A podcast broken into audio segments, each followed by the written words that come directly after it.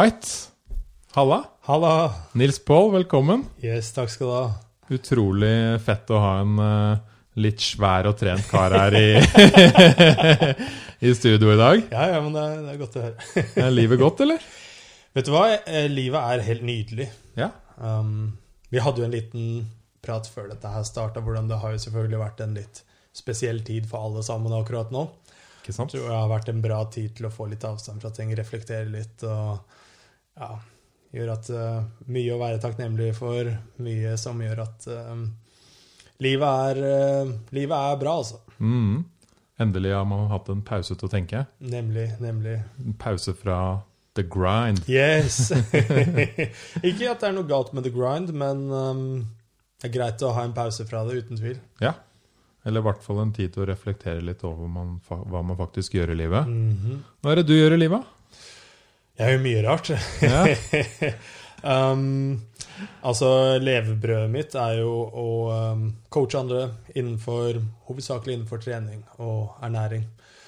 Uh, og så konkurrerer jeg i idrett også. Vært eh, konkurrerende idrettsutøver hele livet, så det er også Hvor, noe som opptar mye av tiden min. hvor starta det her? Start, det starta fra så lenge jeg kan huske, da jeg var fire-fem år gammel og sånn ble forelsket i basketball, kan man vel kalle det. Så han bare fikk hendene mine på en basketball, og det var det jeg ville drive med. Så hele oppveksten, det var på en måte omtrent det eneste jeg brydde meg om, var å spille basketball. Så- Var du Michael Jordan-fan, eller? Og selvfølgelig. Ja. Jeg vet ikke om du har sett den nye eh, dokumentaren, Netflix-dokumentaren eh, som har kommet ut. Jeg har sett den. Oh yes, oh yes. Jeg er veldig, veldig takknemlig for at den kom ut til en helt perfekt timing. Også. Den skulle egentlig komme ut litt, eh, litt senere, men de valgte å eh, slippe den ut tidlig pga. at eh, timingmessig var det bra mens folk var hjemme og kunne følge med. Så ja da, det var jo barndomsinspirasjonen, det. Det var det. å følge med på Chicago Bulls og Michael Jordan. Um, så det var veldig kult å se sånn i voksen alder, da, se på den dokumentaren og forstå hvordan Altså mye um, Mye av tankesettet jeg har i dag, har jo på en måte blitt påvirket av å ha slike idoler fra en ung alder. Ganske, man tenker jo ikke på det på den tiden, da, men nå er det, det, er, det er ganske bemerkelsesverdig hvordan hvordan én person eller noen få personer kan ha såpass bred rekkevidde og innflytelse på veldig mange liv. Da. Selv om mange mener at idrett kanskje er noe som strengt talt ikke er verditilførende til samfunnet vårt, og man gjør ikke noe produktivt, eh, så er det, det er veldig mye man lærer av å drive med idrett, spesielt i en ung alder. Jeg føler at jeg kan, jeg kan takke idretten og det å ha holdt på med basketball gjennom oppveksten, og ikke minst eh, ha rollemodeller som har vært med på å forme hvilken tilnærming jeg har hatt til det å satse som en idrettsutøver, har gjort at jeg er det mennesket jeg er i dag. Og det har overførbar effekt til alle mulige slags ting som er ekstremt verdifulle. Så det ja, det er jeg litt takknemlig for. Jeg husker til og med de som, selv om man ikke visste om basketball, Ja. så gikk man med den Chicago Oh, yes. Bulls-lua. Husker du den svarte lua? ja, ja. Lua og eh, capsen og etter hvert Det kommer litt i dokumentaren etter hvert, så ble vel um, um, var, var- var en periode Orlando Magic eh, vant eh, litt, og så kom Shaquille O'Neill, og da var det også populært å gå med en Orlando Magic-lue, husker jeg. Ja, stemmer det. Men det, jeg gikk også jeg gikk med Chicago Bulls-lua. Mm. Og så, fra basket, hvor eh, gikk reisen videre? Innenfor trenings og treningsverden. Ja, så um, Et av de store målene jeg hadde med basketball, var jo å spille college basket. Og jeg var veldig bestemt på at jeg skulle spille Målet mitt var at jeg ville spille på det øverste nivået i USA, som er eh, divisjon 1 i NCAA.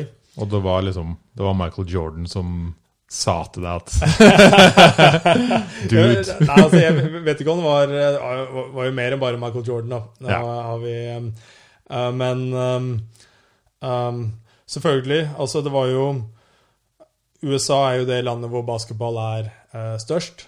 Og um, eh, min mor er fra USA, så jeg, er halvt amerikansk, har amerikansk statsborgerskap. Da var det naturlig å ha lyst til å reise bort dit og, og spille basketball, ta det neste nivået der. Så um, jeg dro uh, bort dit i var det 2006, tror jeg det var. Um, spilte college basketball i uh, Virginia, skole som heter uh, College of William and Mary. Um, så fikk Hvordan var konkurransen og sånn der, da? Var det Der er konkurransen noe helt annet enn Ja. her hjemme, hva man, hva man er vant til her. Så det var um, Altså, der lærte jeg veldig mye, fordi komme bort dit? Man, gjør det, man gjør det bra i Norge, man er flink i Norge, eh, det er et lite miljø her, og så kommer man eh, bort dit, i hvert fall når det, er, når det er på et høyt nivå, så er det altså helt evig med hvor altså, tusenvis og tusenvis av folk som konkurrerer om de samme plassene, og alle er erstattelige, med mindre man er Michael Jordan eller en av de store stjernene. Da. Så um, da jeg var borte i USA, så fikk jeg vel um, Den akademiske interessen min ble litt mer vekket der, kan jeg si. Fordi det var en veldig veldig bra akademisk skole som jeg ikke hadde vært i nærheten av å ha gode nok karakterer på å komme inn på hvis det ikke hadde vært for basketballen, som gjør at man Det er en, del av hvordan det fungerer borte i USA. Man får litt, uh, får litt fordeler av å drive med idrett. Er, de vet at det er tidskrevende og um, kanskje ikke realistisk at man har investert like mye tid på det akademiske som noen som fokuserer 100% på det. Så uh, bare å være i et slikt miljø gjorde at jeg fikk uh, enda mer interesse for å studere alt som hadde med trening, uh, kropp og helse å gjøre fra et, fra et mer akademisk perspektiv, da. Um, og sportslig så um, fikk jeg ikke den spilletiden jeg hadde håpet på. Det var en del av risikoen jeg tok av å gå opp på det øverste nivået der borte. Hvor vanskelig var det? Um, Altså Var det som du kom dit, og så var alle heftig gode? Eller hvordan var konkurransen der? altså I forhold til kosebasketen du hadde spilt i Norge? Jeg vil ikke si at det var kosebasket i Norge, men sam sammenlignet med hvordan det er der borte, så, så var det kanskje det. I hvert fall i forhold til um, Bare hvor, hvor, hvor seriøs satsingen er med hele teamet man har uh, rundt et lag, da. Jeg tror li litt av det som er um, Litt av det som er utfordringen også, når man Hvis, hvis man skal sammenligne si norsk basketball og et miljø der det, er, der det finnes helt evig med talent, er at skoler og coacher de har fulgt med på folk siden de var spillere siden de var små kids, Mm. omtrent. Så de, de vet hvem de har å velge mellom. Og det var nok vanskelig å komme bort dit uten å ha opparbeidet seg noe noe rykte eller? Man, har ikke, man, har eti- man har ikke etablert seg som en som er blant de beste, da. Man begynner på en måte fra scratch med det. Da må man komme inn og man, man er nødt til å bevise veldig mye veldig kjapt. Og det var nok den største uh, utfordringen. Uh, når man da bare er én av mange. Så um, det gjorde at da jeg kom tilbake til Norge, så var jeg mer eh, innstilt på Altså, det var jo sånn da eh, For første gang i livet så måtte jeg eh, tenke litt eh, bredere enn hva, hva vil jeg faktisk i livet? Er det, eh, er det å satse videre som proffkarriere som eh, idrettsutøver? Um, eller er det, er det andre veier jeg kan gå også? Og det ble eh, ganske åpenbart for meg at jeg, jeg trivdes godt med å jobbe med andre mennesker, hjelpe andre med å nå sine treningsmål. Um, bruke lærdommen jeg hadde fått både fra idretten min, men nå også fra et ja, mer akademisk perspektiv. Ble veldig, eh, veldig interessert i å holde meg oppdatert på vitenskapelig forskning, og um, syns det var et veldig spennende felt som jeg så store muligheter å gå videre inn på. Så da, da ble fokuset vendt eh, mer eh, over på det, og det, det har ført til at eh, der jeg er i dag, så er det det, er det jeg jobber mest med. Um, men så har jeg begynt å konkurrere i litt andre idretter også, da. Du har det? Du klarte ikke ikke å holde deg? Nei, jeg, klar, jeg klarte ikke det helt. Hva er det du konkurrerer i? Ja? Så akkurat nå Jeg, jeg tok som en, liksom en utfordring jeg etter å ha sluttet eh, Etter at jeg ikke hadde spilt basket i noen år, da, så merket jeg at jeg Jeg var jo vant til å trene to ganger om dagen og trene målretta mot et eller annet. og Det var, var på en måte tom, Man kan vel kalle det et slags tomrom når man ikke sånn hadde hadde noe mål å gå etter. Så det, det starta med at jeg, jeg, drev med Jeg drev med sprint bare for treningens skyld. Helt til jeg oppdaget at uh, da jeg var ute og sprinta, så, som på Bislett stadion og litt forskjellige steder, og så så jeg på de som, de som drev med det, så tenkte jeg jeg, jeg syns det ser ut som jeg er like rask som noen av de her. Jeg har lyst til å, lyst til å teste det ut. Så uh, jeg meldte meg på et stevne. Brukte faktisk, Man måtte være medlem i klubb. Jeg brukte basketklubben som jeg var medlem i, og fikk, fikk dem til å opprette De hadde ikke noe frirettslisens, uh, men de, de, fikk det bare sånn at jeg kunne melde meg på uh, det stevnet. da. Og uh, fant ut at ja, jeg var faktisk på Det stemte, da. Det, det tenkte jeg var um, Jeg var jo ikke blant de raskeste i Norge, men jeg var raskere enn veldig mange som satser på dette her og drev med dette. Da tenkte jeg ok, vet du hva, da har jeg noe jeg kan spisse um, treningen min imot. Da har jeg på en måte Da har jeg en mening med treningen. Da er det ikke sånn at ikke noe vits å bruke så mye på tid på trening hvis ikke man skal ja, lede mot et eller annet. Da, da, var det friidrett det ble.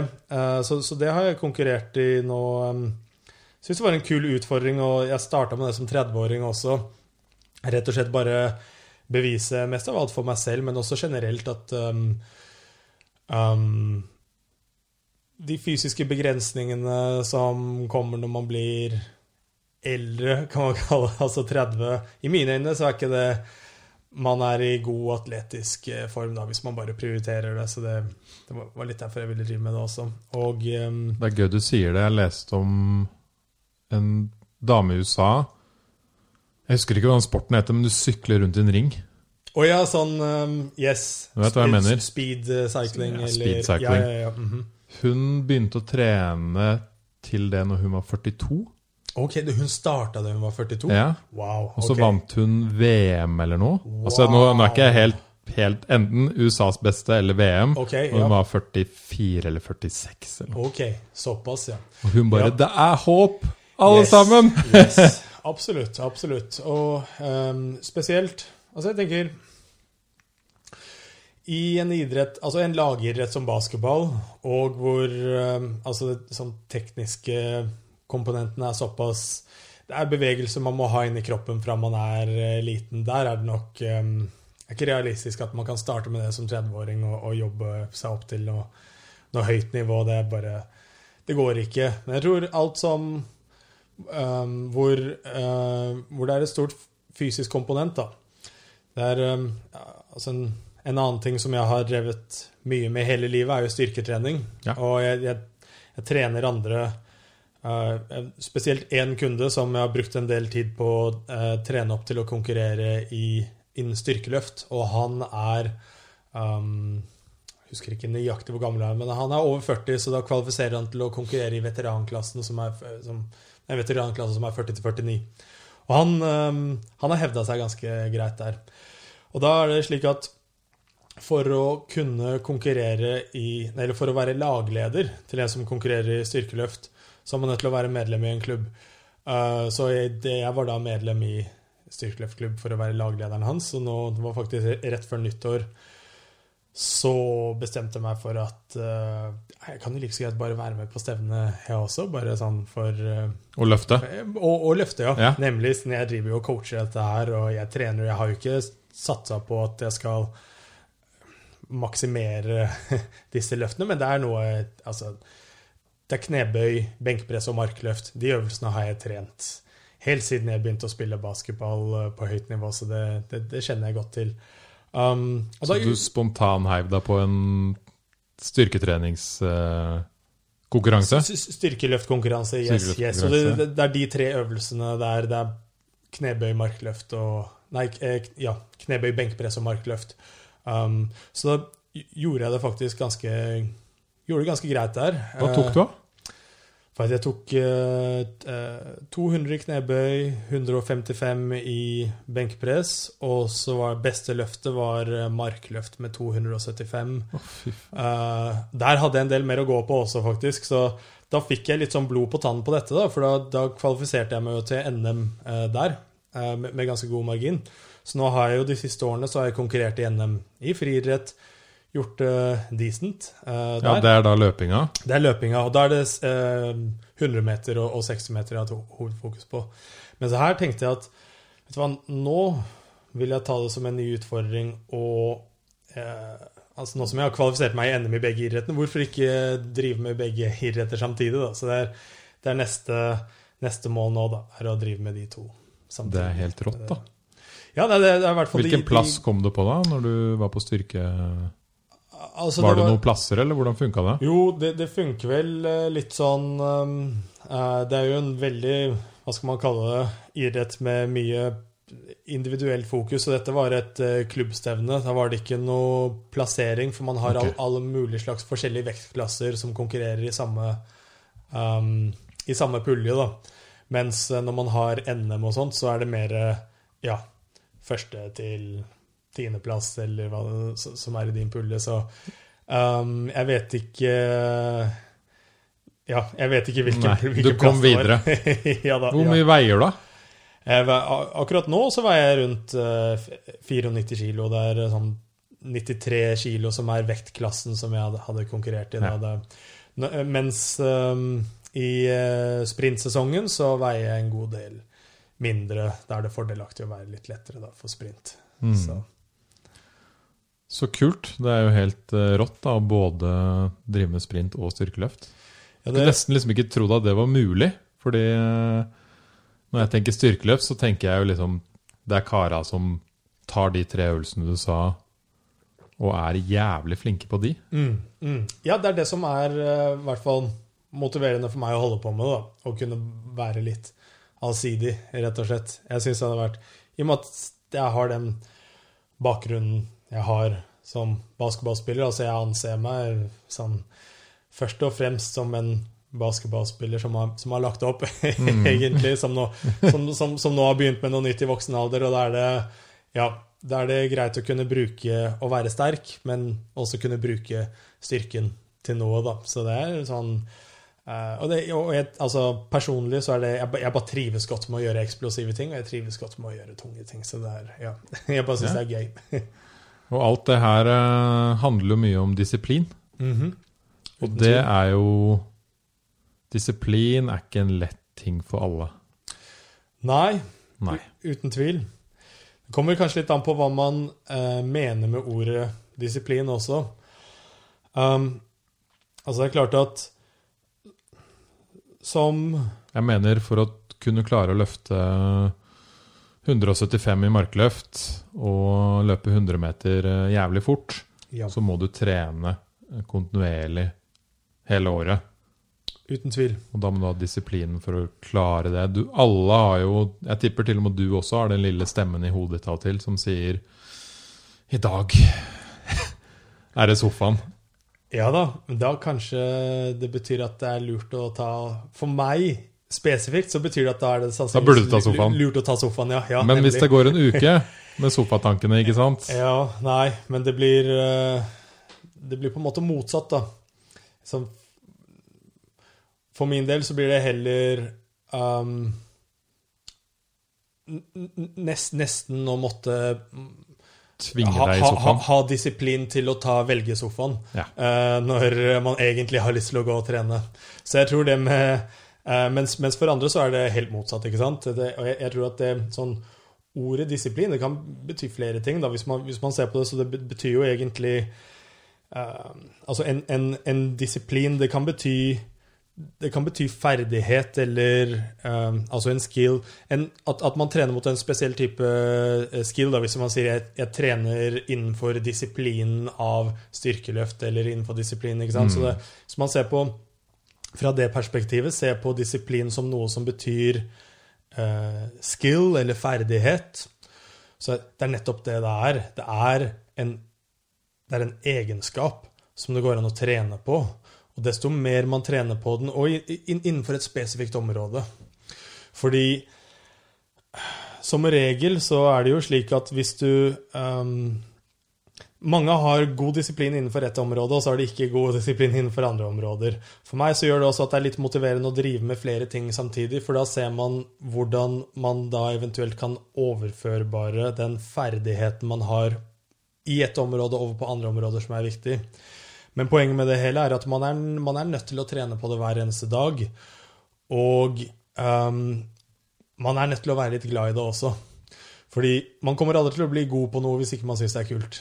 Sånn, hvis ikke um, Altså, det, da jeg begynte å spille basketball som uh, liten kid, og ingen som måtte komme og fortelle meg du må ha disiplin, du må presse deg selv til å spille hver eneste dag. Jeg gjorde det fordi jeg syntes det var kult. Jeg gjorde det fordi jeg digget det. Um, og hvis man gjør noe man digger hver eneste dag, så kommer man til å bli bra på det. Men kan det ikke ta litt tid før du digger det? Jeg merker jo ja. når jeg er helt, ut, når jeg er helt ute av form, ja. da syns jeg bare tanken av å liksom trene suger. Ja. Og så har du trent i tre måneder, og da begynner det å bli gøy. Yes, yes, det er akkurat det. Så, så det er derfor det er sånn hvis, hvis man skal bli god på noe, da. Hvis man skal bli god på å um, trene, Ja. for eksempel, og formålet er at, at man, skal, man skal holde seg i form. Jeg tror først og fremst det viktigste er at man er veldig bevisst på hvorfor man gjør noe. Så hvorfor er det viktig at man skal være i god form? Hvorfor er det viktig at man skal ha god helse?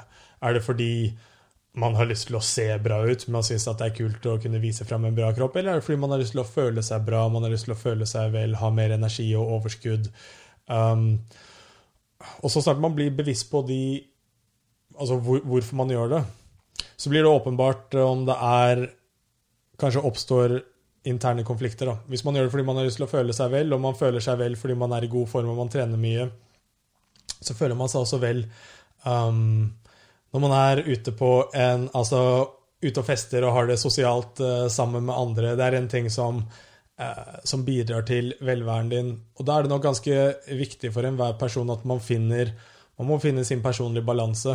Man må finne um, hvordan er det du kan praktisere din disiplin på en måte som harmoniserer med alle formålene du har i livet, som gjør deg vel.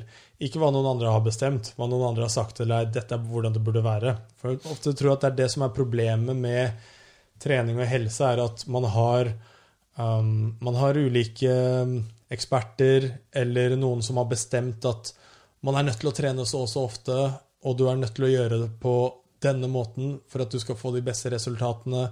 Men det tar ikke inn i betraktning hvilke behov og ønsker du har som individ, og om det um, om det harmoniserer med de andre tingene du eh, gjør i livet. da. Så det er, det er det første jeg vil si. at Hvis du, hvis du bare du er bevisst på um, hvorfor du vil noe, og sørger for at det ikke kommer i konflikt med andre ting du vil, som er akkurat like viktig for deg, så, så behøver det ikke kreve like mye innsats som du hadde gjort ellers hvis du tvinger og presser deg til å gjøre noe som ikke ja, som egentlig ikke er viktig for deg. da. Så det må være realistisk. Absolutt. Og det må jo passe inn i hverdagen og det livet du lever. Absolutt. Absolutt. Um, jeg tror også um, ordet disiplin det er interessant, for jeg mener at um, det betyr også lærdom. Og det er kanskje altså, tilbake til det jeg snakket om innledningsvis, da, med, å, med å drive med idrett fra en ung alder. Hvordan um, all lærdommen jeg har fått ut av det, hvordan det har tilført masse verdi til alle aspekter av livet mitt som ikke har med trening å gjøre. Um, og det er nok noe som nesten alle er interessert i, å bare um, opparbeide noe form for lærdom, spesielt med tanke på um, bare det å lære om seg selv.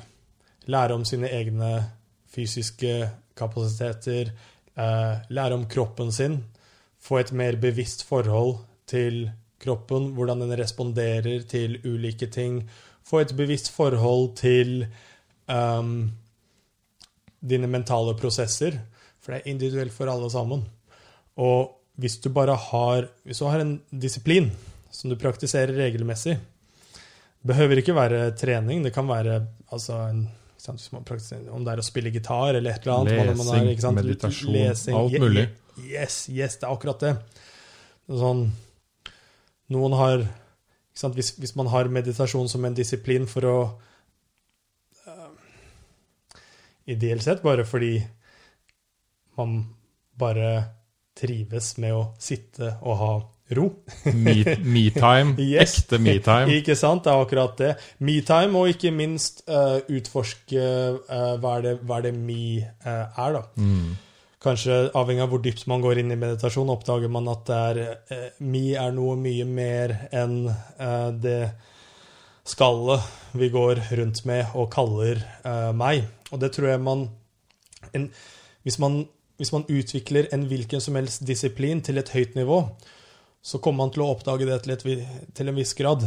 Hvis man, eh, altså om det er, om det er gjennom trening, f.eks., om man utforsker visse fysiske kapasiteter, den framgangsmetoden det krever å være fokusert på én bestemt ting med ett bestemt formål over tid, gjør at man kommer til å lære ekstremt mye. Man kommer til å man kommer til å oppdage ting om seg selv som man ikke hadde gjort dersom man ikke startet den reisen. Da. Og det vil jeg si er kanskje um, det største man kan få ut av å velge en hvilken som helst disiplin innenfor trening eller hva som helst annet. Det er lærdommen det kommer med. Um, og det er en individuell reise som ikke uh, Ja, for det er klart, altså disiplin på f.eks. trening, da. Det handler jo ikke bare om det du trener. Men det handler om at du må hele tiden snakke med deg selv og fortelle deg selv hvorfor du gjør det, og spørre deg selv hvorfor du gjør det. Yes. Og lære om hvorfor du selv gjør det. Yes. Og desto um, Desto høyere nivå man utvikler det til, desto mer må man fintune mm. tilbakemeldingsinstrumentene man bruker for å kunne fortsette å få framgang. Så hvis man ser på en Ta en um, en hvilken som helst uh, toppidrettsutøver, liksom, verdensmester i, et eller annet den, den, bevisste tilstanden som de er i mens de trener, eller mens de konkurrerer, um, den er nok ikke så ulik en tilsvarende bevissthetstilstand som uh, si en uh, munk er i dyp uh, meditasjon. Fordi man er 100 fokusert, 100% fokusert på én ting man har repetert om og om igjen, hvor man klarer å blokke ut alle andre ting, og det, det er kun det man fokuserer på. Og det er kanskje Det er kanskje noe en si verdensmester i en eller annen idrett har klart å opparbeide gjennom den metoden, da, bli flink. Og de er kanskje ikke klar over det selv, at det er det de er sammen. Men det er sånn, i min mening så er det umulig å komme sånn til verdensnivået i et eller annet med mindre Med mindre man også har utviklet evnen til å kunne komme inn i en, den type sinnstilstanden, da.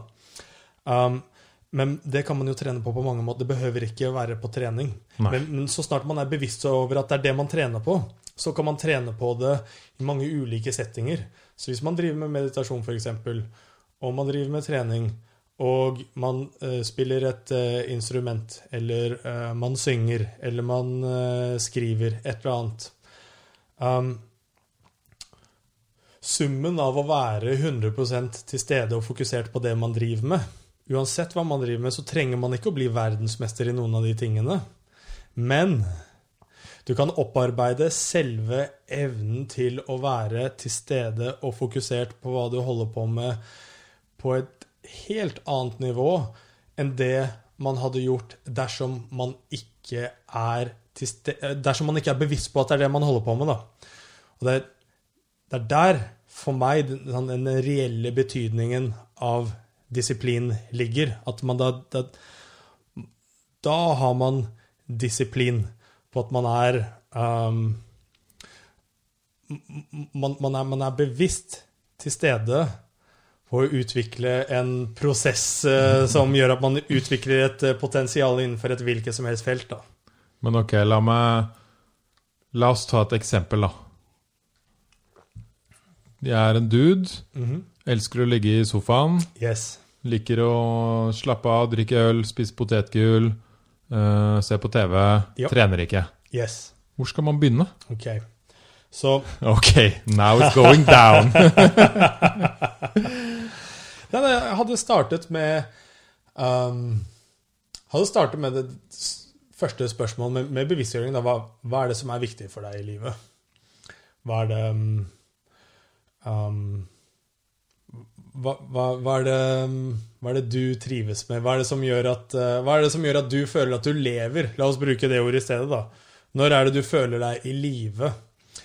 Fordi noen tror kanskje at de liker å ligge i sofaen, og de liker å gjøre det som krever så lite energi som mulig. Men kanskje det rett og slett bare er latskap, da.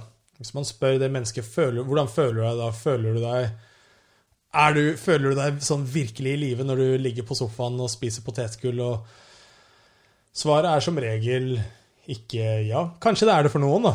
Kanskje det er det som er Kanskje det er For meningen i noen livet er det kanskje det. Nemlig. Og det, kanskje man ikke trenger å presse dem til å gjøre noe annet. Da. Men jeg, jeg vil tro det i, i, i de fleste til, uh, tilfeller, altså hvis man finner um, Hvis man har spurt den personen, da Kan du fortelle meg uh, sist gang du følte at du var 100% i live, 100% til stede, og noe som virkelig ga deg glede og mening? Så vil de sannsynligvis ikke fortelle om den gangen jeg eh, lå i sofaen og eh, Nei. Ja. Og Så- ikke, ikke minst, er du fornøyd med kroppen din? Eh, yes, ikke sant? Tipper jeg et ganske sånn Yes. greit spørsmål å stille den personen. Yes. Ikke sant? Når man da kommer inn på akkurat det der, da, er du fornøyd med kroppen? Det der er fra flere aspekter. Det er selvfølgelig det, altså det visuelle, og så hvordan man føler seg, ikke minst. Så det var grunnen til at jeg sånn ville starte med sånn den, den bevisstgjøringsprosessen, er fordi folk, folk glemmer ofte akkurat det der, fordi um, jeg kan sitte her som altså, en ekspert på feltet og fortelle ikke sant, den sofapersonen Du burde trene sånn, sånn og sånn. eh, så og så mange ganger i uka.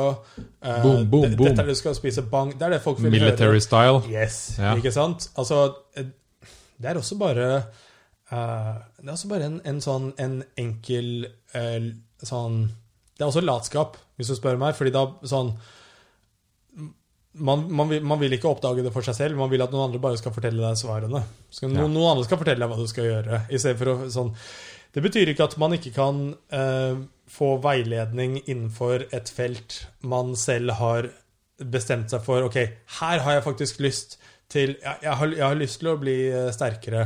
Eh, Jeg har lyst til å gå ned i vekt. eh, Jeg har lyst til også, Man må bevisst på hvorfor det er viktig for deg. Så vil jeg absolutt anbefale å oppsøke ehm, veiledning hos noen som har vært gjennom den prosessen, og som kan bidra med sant, Enten om det er profesjonelt, eller om man kjenner noen som, som kan hjelpe til med å komme med sånn tips og forslag til hvordan du skal gjøre nøyaktig det. Og ehm, altså Tilbake til hva Altså, hvis man skal komme med noe konkret da, til hva denne sofapersonen skal gjøre, hvilket La oss late som vi sitter her og, og, og, og, prater med det mennesket. Hva, Ja. hva, altså, har spurt det spørsmålet Hvilke mål har du? Hvilke mål vil du si den personen eh, har kommet fram til at de har, da? Jeg? Ja, nei, nei, Eller den type type Snakker ikke om eksempelpersonen. deg, den eksempelpersonen. Ja. Ja, men det er jo det som ofte er vanskelig for folk, for de har ofte ikke de målene alltid. Nei, Ikke sant? Nei, jeg har ikke så mye mål, kan man Ja. svare. nemlig. Så da Ok, hvis jeg hadde stilt Da begynner det å bli vanskelig. Hvis jeg Eller- hadde gått tilbake til å stille nøyaktig Altså det samme spørsmål som jeg stilte tidligere Ok, du, du har ikke noe mål, greit. Når er det du føler at du er mest At du er mest deg selv? At du er mest i live? Mm. At du føler At du føler at du lever på et høyt nivå, da. Når, når, når er forrige gang du opplevde det? Hadde jeg spurt den personen Ja. på hypotetisk sett, hva hadde, hva hadde han eller hun svart, tror du? Når han er eh, kongen på byen, Konge på byen, ok. Ja, når han eh, Men det er Yes, yes, men, men Ikke bare det, da, men kanskje litt flere Jeg ser for meg at det er en typisk ting man kunne sagt. Absolutt. Og, og kanskje når man eh, Ja, la oss si når han uh, skårte et mål da han var tolv. Yes, ok. Yes. Ja, ikke sant? Godt eksempel. Godt eksempel. Så det er Jeg tror nok veldig mange Fordi alle sammen har vært aktive i barndommen. Ja. Så veldig mange glemmer kanskje litt hvordan det var. Fordi hvis det er at man er kongen på byen, det er greit, det har sin plass, det også. Eh, du kan, da vil jeg si at hvis, hvis, det er veldig viktig for deg å være konge på byen, så behøver ikke du å ofre å være konge på byen bare fordi eh, du skal begynne å trene og gjøre gode livsstilsvalg. Så mange tror at de må velge det ene eller det andre. Det, sånn det har jeg hørt mange si òg. Det stemmer bare ikke. Sånn, shit, nå skal jeg begynne å trene mye. Da må jeg droppe å være dronninga av danseklubben. Det er bare tull. Altså um, Du blir mer dronninga hvis du er trent. Absolutt. Uten, uten, tvil. Uten tvil. Altså, hvis du um, alt, alt, er avhengig av hvilke mål du har satt deg. Det er klart at hvis du skal konkurrere for å vinne VM eller OL Altså, selv de drar jo ut på byen, gjerne ikke under sesong, da, men utenom sesongen. Men da må man kanskje ha en periode hvor man ofrer litt. Grann.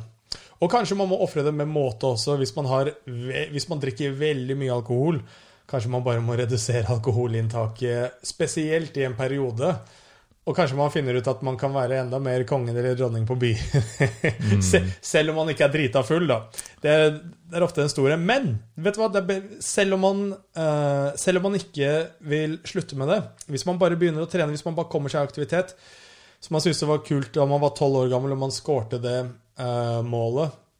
Ok, start med um, Start med noe uh, idrett først, da. Kanskje det er et um, um, Hvis du syns det er kult å spille fotball, eller du syns det var kult uh, da du var en kid, melde deg inn i Kanskje det er noe bedriftsfotballag. Der er det ofte veldig høy konkurranse, mm. konkurranseinstinktnivå. da.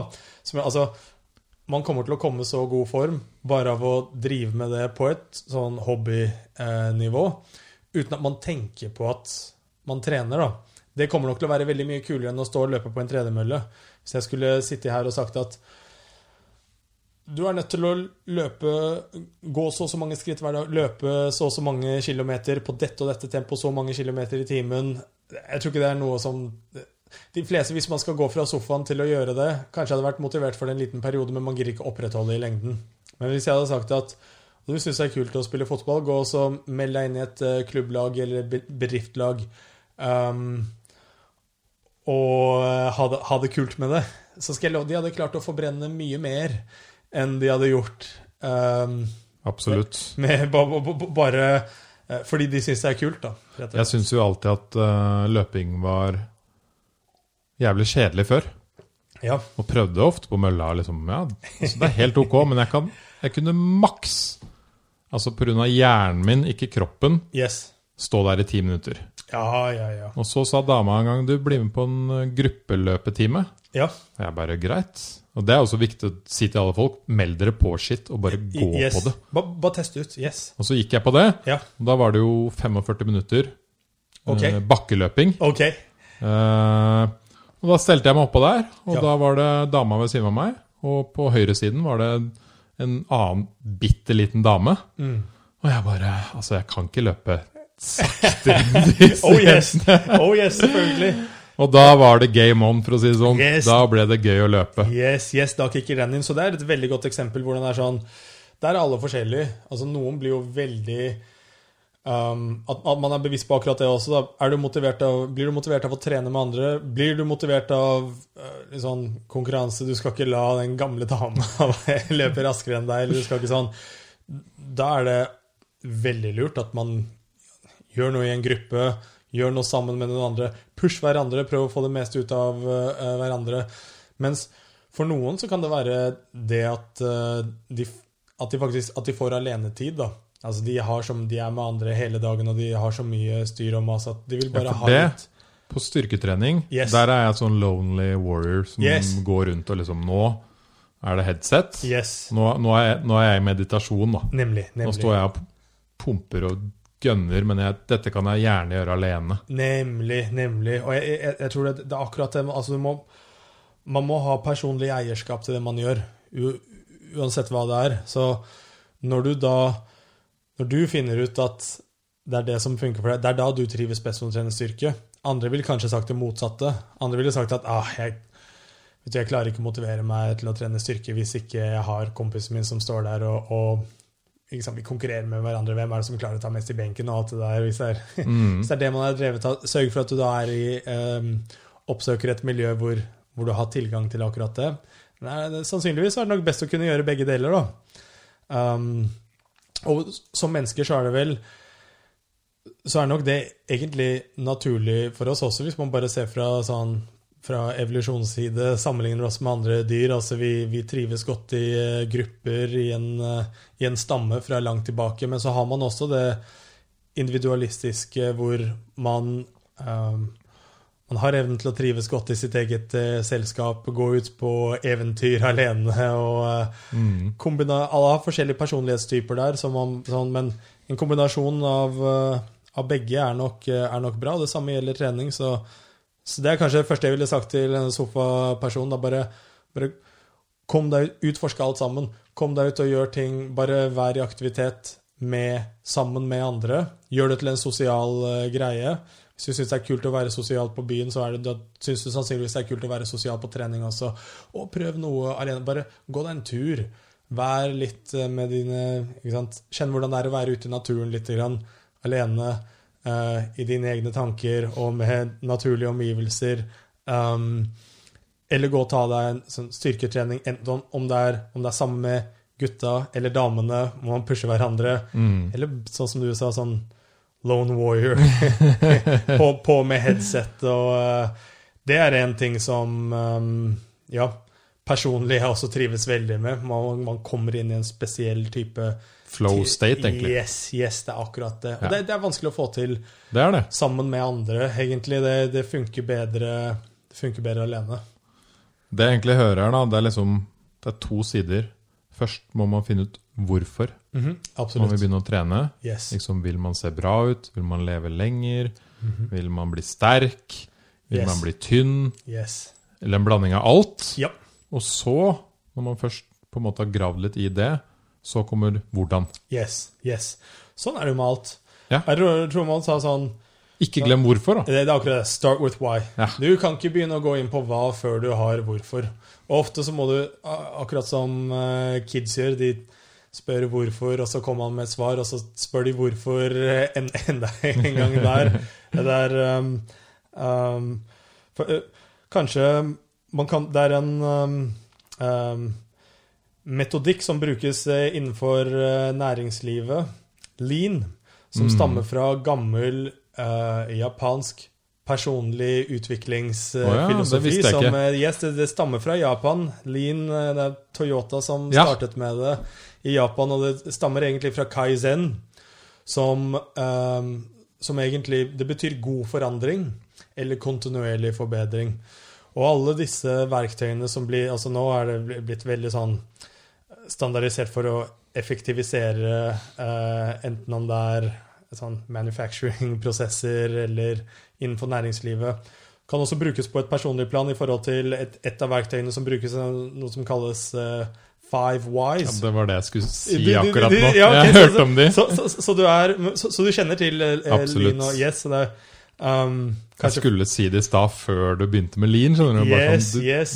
Så da bruke um, Litt sånn tilbake til eh, røttene, da, med Kaizen. Um, man kan bruke det personlig også. Det må ikke være eh, i, i forretningssammenheng. Så det, det Five Wise går ut på, er at man skal stille spørsmålet 'hvorfor' fem ganger. Fordi da kommer man kanskje til kjernen av noe. Du kan stille spørsmålet 'hvorfor' helt uendelig, og til slutt så må svaret være Det må bli noe sånn dypt eksistensielt. Ja. Det må være et eller annet som er relatert til Gud, eller noe sånn eh, har man noen noe Infinite regress-paradokset kalles eh, det. Eh, Så der skal man ikke. Men hvis man stiller spørsmålet 'hvorfor' fem ganger, så kommer man nok eh, ganske dypt, da. Så hvis du har lyst til å være tynn, f.eks. Jeg har lyst til å gå ned i vekt. Hvorfor har du lyst til å gå ned i vekt? Er fordi um, da både se bedre ut og føle meg bedre. Ok, uh, hvorfor har du lyst til å se bedre ut og føle deg bedre? Og, og så videre. Nettopp. Stille spørsmålet fem ganger. Mm. Da kommer man kanskje til eh, kjernen. Og folk har nok godt av å grave litt i, i hvorfor man gjør det man gjør. Fordi kanskje man da finner ut at ah, vent da, dette her er egentlig ikke viktig for meg likevel. Eller kanskje man finner ut at det er viktig, men det er litt andre årsaker enn det man trodde det var. Og da kommer det igjen til å ha en um, det kommer, du, du, ville, du, trodde egentlig du ville bli tynn, men egentlig ville du bli sunn og leve lenge. Og, og at det på en måte hadde en dypere mening. Yes. Og det igjen, hvorfor det igjen? Jo, fordi da vil, da vil jeg være glad og føle meg bra. Kanskje Nemlig. det egentlig er den nederste grunnen på The five fucking whys. Eh, sannsynligvis. Og bare det å være glad, det å være lykkelig, den er nok. Eh, det, det, tror jeg blir en sånn fellesnevner som veldig mange vil komme fram til. Da. Og da blir det eh, Når man da skal tilbake til hvordan, så kommer det kanskje til å påvirke litt hvordan man gjør det. Fordi det er ikke noe vits i å gjøre Altså, hvis, hvis, hvis hvordan gjør at du blir ulykkelig. At du må gjøre noe du hater. Da, mm. Kanskje du må gjennom en periode, sånn som du sa, første tre månedene, så er det pes, så er det slit. Så syns man ikke det er noe kult. Det er også en del av det Altså um, Disiplin handler jo også mye av sånn, bare konseptet av at man, man er nødt til å ofre noe um, Ofre noe kortsiktig for å få en større gevinst i lengden. Men da burde man være nokså bevisst og oppmerksom på at det man ofrer, faktisk kommer til å føre til en merverdi ja. i, i, lengden. Noen ofrer noe bare fordi de blir Bare fordi de har blitt fortalt at det er det de må gjøre. Men de vet ikke om det kommer til å gi en merverdi til dem eh, personlig. Men hvis du kan være sikker på at ah, ok, vet du hva, jeg kjenner meg selv godt nok jeg har, Da er det tilbake til den selvbevisstheten gjennom disiplinen. at jeg kjenner meg selv godt nok til at det kommer til å være helt jævlig de første tre ukene, men etter at jeg har kommet over den kneika, da kommer jeg til å begynne å digge det. Hvis jeg bare kommer meg dit, da kommer jeg til å føle meg bra. Da, da kommer jeg til å digge det. Da blir det kult. Um, men her har jeg også lest uh, Jeg fortalte akkurat om Atomic Habits. Handler om vaner, ikke sant? Yes. Og for det første, det er litt sånn Det tar mellom 50 og 70 dager å få en ny vane, stort sett. Yes, yes. Og så viste de en sånn graf med en sånn bølge, mm -hmm. ikke sant? Hvor eh, langt ikke sant? man begynner å trene, og så går det to-tre uker, og det er ganske jævlig. Ja. Og så gir du opp kanskje på den fjerde. Og så skal yes. du holdt på to-tre uker til. Ja. Og da hadde det begynt å bli veldig kult og digg og behagelig, og du hadde følt at du hadde mestra det. Det er akkurat det. Det er den, det er den mestringen som er viktig, fordi man um, Tilbake til ordet disiplin som i betydning av ferdighet. ferdighet. Det, ja. Man må gjennom ulike læringskurver. Som, disse læringskurvene er nokså like for en, en, hvilken som helst eh, egenskap. Da. En sånn ja, 50-70 dager. Det er kanskje det man trenger for å bevege seg fra totalt nybegynnernivå til ja, ja. Eh, ikke, ikke, viderekommende nivå, men i hvert fall man er ikke, man er ikke nybegynner mer, da. Det, man, det, han mener da, er liksom at det Det begynner å sette seg underbevisstheten din. Yes. Sånn at når du eh, Du må liksom Hver dag du er på jobb og går på trening tre dager i uka klokka fire ja. De første, første fire ukene så må mm. du veldig mye tenke på det og liksom tenke på det lagen. Yes. Men etter hvert så begynner yes. det å ligge i underbevisstheten din. Yes. Og da er det sånn du, du, går bare på trening klokka fire. Mm, mm. Det, uh, og da snakker man jo om vaner. Så kan man gå fra vane videre til livsstil. At det er integrert i uh, et helt mønster av hvordan man lever livet. Mm. Og det livsstilsendringer og det at man faktisk kan si at nå er dette en del av min livsstil, det tar tid. Det tar mye lengre tid enn det folk er interessert i å høre om. Det er litt sånn, Man, man, man må på en måte uh, nesten lure noen uh, Ja, det blir feil å si lure, da, men, men, men, men sånn, det, det, er salgbart. da, Man sier sånn, Hvis du dedikerer 70 dager til dette her, så da, da kommer det til å bli veldig mye enklere. Den kjøper de fleste. Men hvis jeg sier f.eks. at du er nødt til å praktisere dette her regelmessig i syv år. For at, for, for at, dette kommer til å være din nye grunntilstand som du bare alltid vil tilbake til. Uansett hvilke vendinger livet tar. Som du tar. sier, da. Du må heller uh, fokusere på når du skal ta sofaen. Eller yes. en, en omvendt. Yes. Da, fordi da snakker man om livsstil. Og altså der finnes det forskjellig fins ulik forskning på akkurat det, men jeg, jeg, kan, jeg kan, snakke altså både av personlig erfaring og ikke minst av jobbet med andre mennesker. Jobbet nå um, Jeg har noen kunder som jeg har hatt i over ti år nå, faktisk, og um, ser Altså, jeg, jeg, har vært med på at folk har bare vendt om på livet sitt fullstendig i løpet av et år. Og de har opprettholdt det um, et par år. Og så har det vendt tilbake til å gå nøyaktig sånn som det var de forrige 40 årene mm. før det. Fordi det er så mye når man snakker om hva som setter seg i underbevisstheten, og hvilke hvilke livsstilsprosesser, hvor lenge man er nødt til å holde på med noe for at det blir den nye grunntilstanden. Det er klart at Hvis du har hatt et livsstilsmønster i 40 år så Man kan være man har all grunn til å være veldig fornøyd med seg selv om man har klart å vende på det sånn fullstendig uh, og opprettholdt det i flere år. Men det er også veldig viktig å være oppmerksom på at de 40 årene har satt sine spor et eller annet sted i underbevisstheten. Um, det det er kanskje ikke så mye som skal til. Det er mindre som skal til for at man vender tilbake til en sånn type eh, den gamle livsstilen man hadde, enn noen som aldri har hatt den livsstilen i det hele tatt. Men hvis man har holdt på med det, og det, det, det er, nok mye forskning da, som viser til at hvis du har opprettholdt det i syv år Og man kan ta det å slutte å røyke som et eksempel. da. Det er nok kanskje mange som hvis, Si de har røykt i over syv år, da. Um, da må de nok være eh, røykfrie ganske lenge før de bare aldri har Altså, de har ikke lyst. Det, det er sånn Tenker ikke på røyking. Tenker, tenker ikke, på det engang. Det frister dem ikke litt engang. Det er sånn, selv om de er i en setting hvor de ser noen andre røyke i de settingene som de pleide å assosiere med sånn tar, Det tar ganske lang tid før nervesystemet ikke øh, ønsker det mer, da. Du møter jo de folka som plutselig har begynt De slutta i ti år. Ja. Og så bare 'hæ, røyker du?' Ja, bare, ja jeg har begynt igjen. Ikke sant? Det kan skje, det også, men det er nok veldig mye mer uvanlig når noen først har holdt seg røykfri i ti, ti år. Selvfølgelig, men det var liksom litt av poenget her at det skjer. Det skjer, og det yes. sitter faktisk dypt inni oss. Oh yes. Oh yes. Alle kan jo gå på en smell. De kan gå på en smell. Det skjer nok veldig ofte at noen har vært røykfrie i Si de har vært røykfrie i tre, tre måneder. Ja, og, og, ikke sant? Men også er det veldig Apropos det med sånn å bare etablere en ny vane, da. Og det er veldig mye enklere etter tre måneder enn det var de første tre dagene eller de første tre ukene. Absolutt. Veldig mye enklere. Da føler jeg at de har kommet seg over en kneik. Men da er det viktig at man, man har det langsiktige perspektivet i, i, eh, i, hodet. Og det er, er, derfor det er også veldig viktig at når man skal gjøre livsstilsendringer, at man eh, Altså, alle, alle er interessert i en, en, eller annen quick fix. Men hvis man er bevisst på virkelig bevisst på hvordan man har lyst til å leve livet sitt, ikke bare nå, men et år fra nå, fem år fra nå, ti år fra nå. Og altså, det er ikke umulig for mennesker å visualisere ting med et tiårsperspektiv.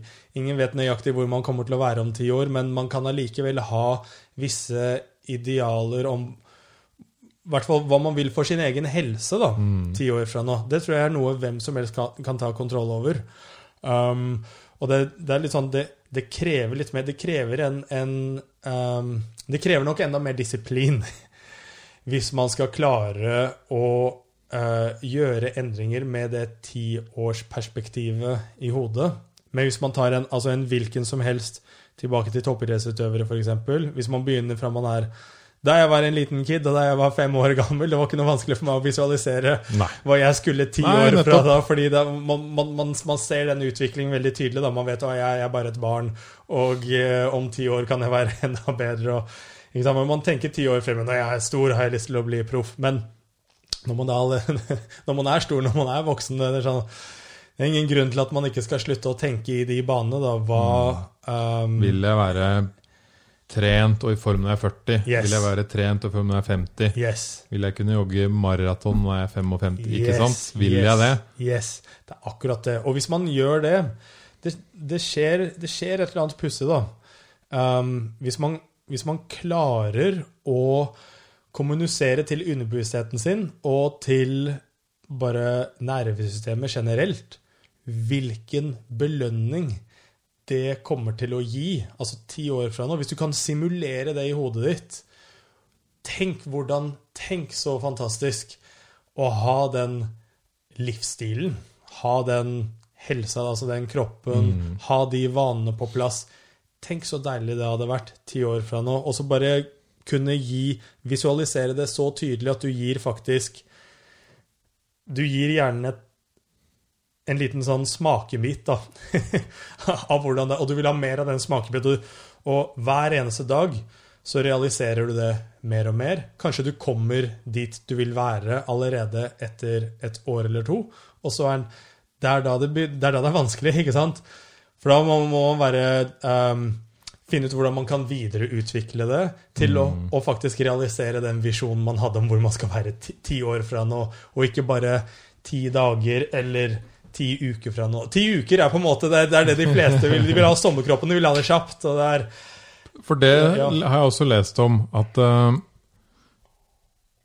en typisk feil Det er også interessant å høre din tanke rundt det. En typisk feil mange gjør, mm, det er at de, de, de trener kanskje ikke så mye, Ja. og så bestemmer de seg Nå skal jeg løpe maraton om tre måneder. Yes.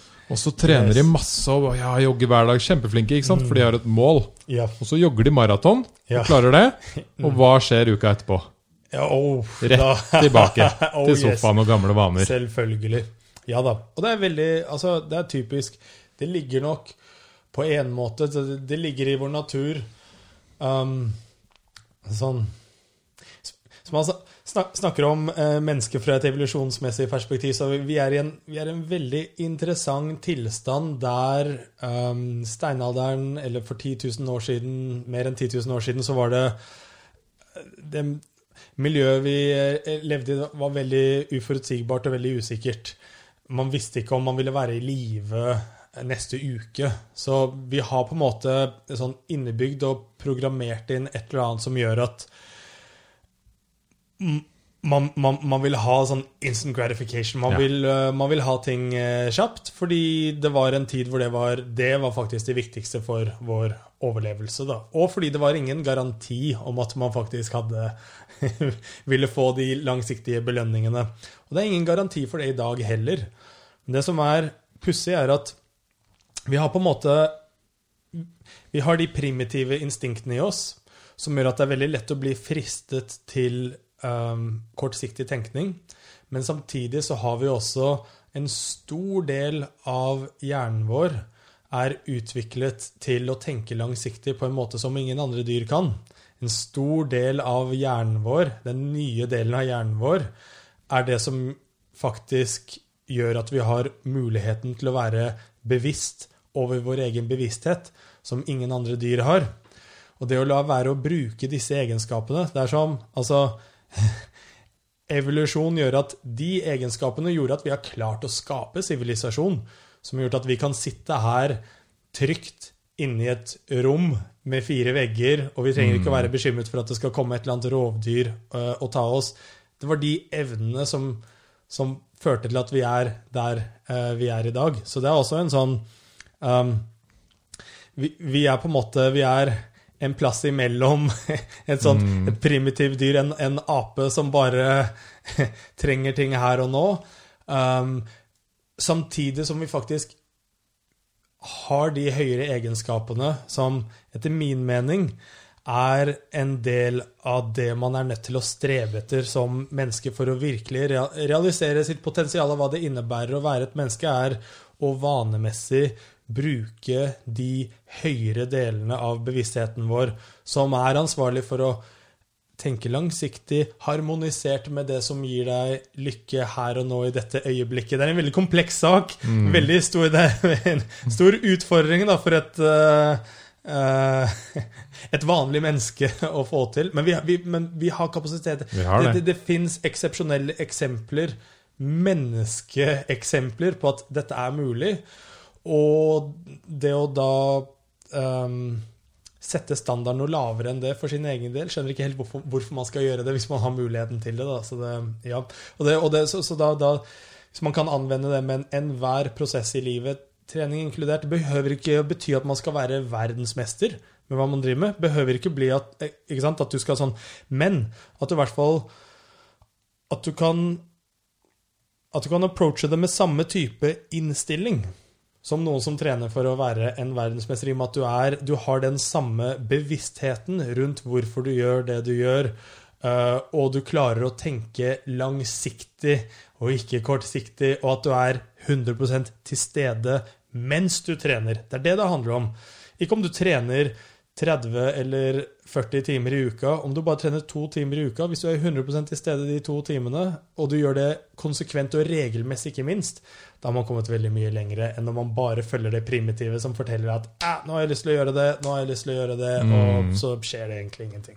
Det er gøy du sier det. Vi hadde en annen podkastgjest her som også snakket om det primitive Det som henger igjen da, mm. i hjernen. Mm. Og han sa også det at uh, en grunn til at vi er late, ja det er også en del av den primitive hjernen, fordi når man levde for mange mange, mange tusen år siden i yes. huler og sånn yes. Når du kunne være lat og spare energi, ja. da gjorde du det. Ja. Yes. Da var det liksom veldig bra. Det var en bra ting. Og så var det i mange tusen år. Ja. Nå, må vi, nå, må vi, slappe av og spare energi.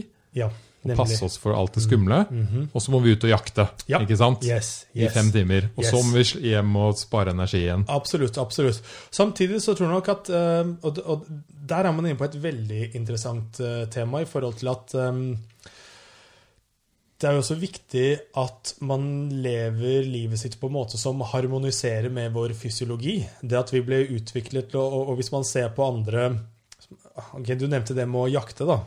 Så altså, det er jo kanskje litt kontroversielt med at det er noen som kanskje mener at um, vi er egentlig ikke rovdyr, vi er uh, sånn Men OK, greit, da Hvis, hvis, man, hvis man tar det perspektivet Du kan jakte etter blåbær òg? Det var akkurat det. det nemlig. Man, man, må, man, må, i hvert fall ut og, uh, man må ut, og jobbe, uh, ut og gjøre noe sånn, men, men man gjør det litt sånn de, de, gjorde det i korte intervaller, eller kanskje plutselig, hvis du ikke skulle jakte, så kunne du i hvert fall bli jakta på og du måtte løpe for harde livet.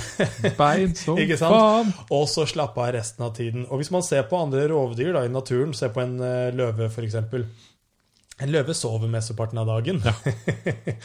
og uh, um, det er nok um, Apropos det du snakket om innledningsvis med the grind. Det er mm. kanskje litt av det som er grunnen til at folk ikke har energi og overskudd til å um, til å trene på en måte som, som gjør at man er i en, en, god fysisk tilstand fra et helsemessig perspektiv, fordi man er utslitt fra bare det jaget dagen lang. Da. Mm. Um, og det er nok ikke det er nok ikke en smart måte å leve livet sitt på. At man går rundt og er stressa hele tiden.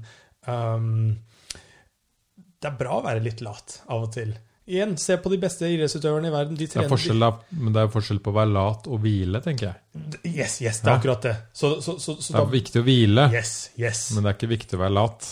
Så da bruker man egentlig bare Hvis man kaller det latskap, så er det egentlig ikke latskap i den forstand at man, man gjør noe som kroppen trenger. Man, mm. Alle trenger å hvile.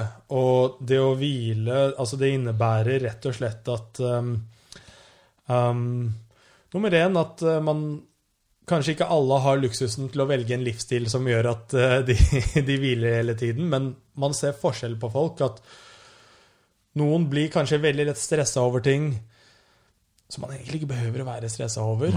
Og, og, fysiologisk så kroppen behandler det stresset som uh, altså noe svært krevende. Kroppen Kjemisk så kan ikke kroppen skille mellom fysisk stress og psykisk eh, stress.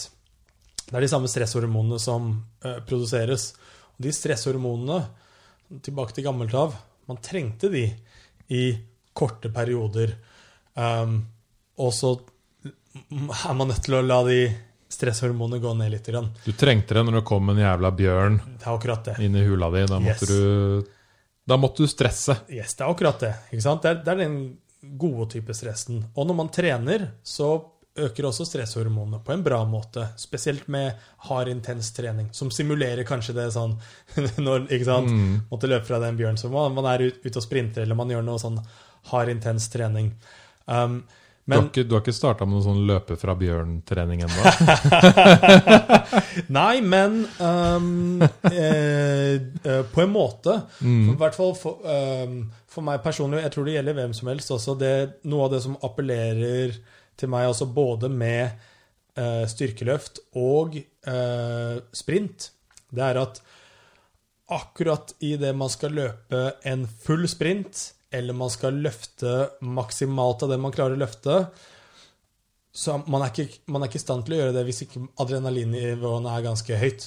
Og da er faktisk en del av treningen er å kunne, å kunne regulere det viljestyrt. Da. Regulere det både opp og ned. Slik at Noen ganger så skjer det bare helt automatisk. Og det, skjer, det er jo en del av sånn når man konkurrerer, og sånt, og så har man eh, adrenalin, og det gjør at man presterer enda bedre. Fordi når adrenalinnivåene går opp, så fyrer nervesystemet mer effektivt. Altså det, man aktiverer musklene til en høyere grad enn eh, når det ikke er det. Og det, når jeg skal coache folk, f.eks. til å løfte noe tungt, når de er på nivå hvor de faktisk de, de må pushe seg for Ja. å løfte veldig tungt. Mye av det jeg bruker tid på, er hvordan kan jeg få opp adrenalinnivå?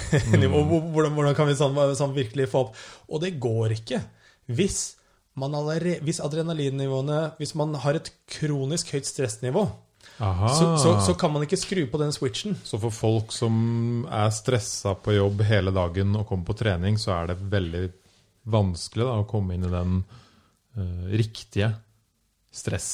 Yes. Yes. Yes, Det går ikke. Det går ikke. det, altså, er det um, fordi du tømmer det, eller er det fordi du er i det hele tiden? Hvordan funker det? Ok, så det er flere aspekter av det. Det ene er jo selvfølgelig ja, du, du er jo allerede i det. Hvordan kan du skru på noe som allerede er på? Og ikke bare er det um, ikke bare er det på, Du går jo ikke rundt konstant og kjenner den derre sånn sommerfugler i magen og sånn, men man, man, mange går rundt og bare er litt generelt urolige og engstelige. Så det er, det, er- det er på på et sånt mediumnivå som gjør at um, systemene som som er med på å regulere dette her, de blir litt slitne, rett og slett. da.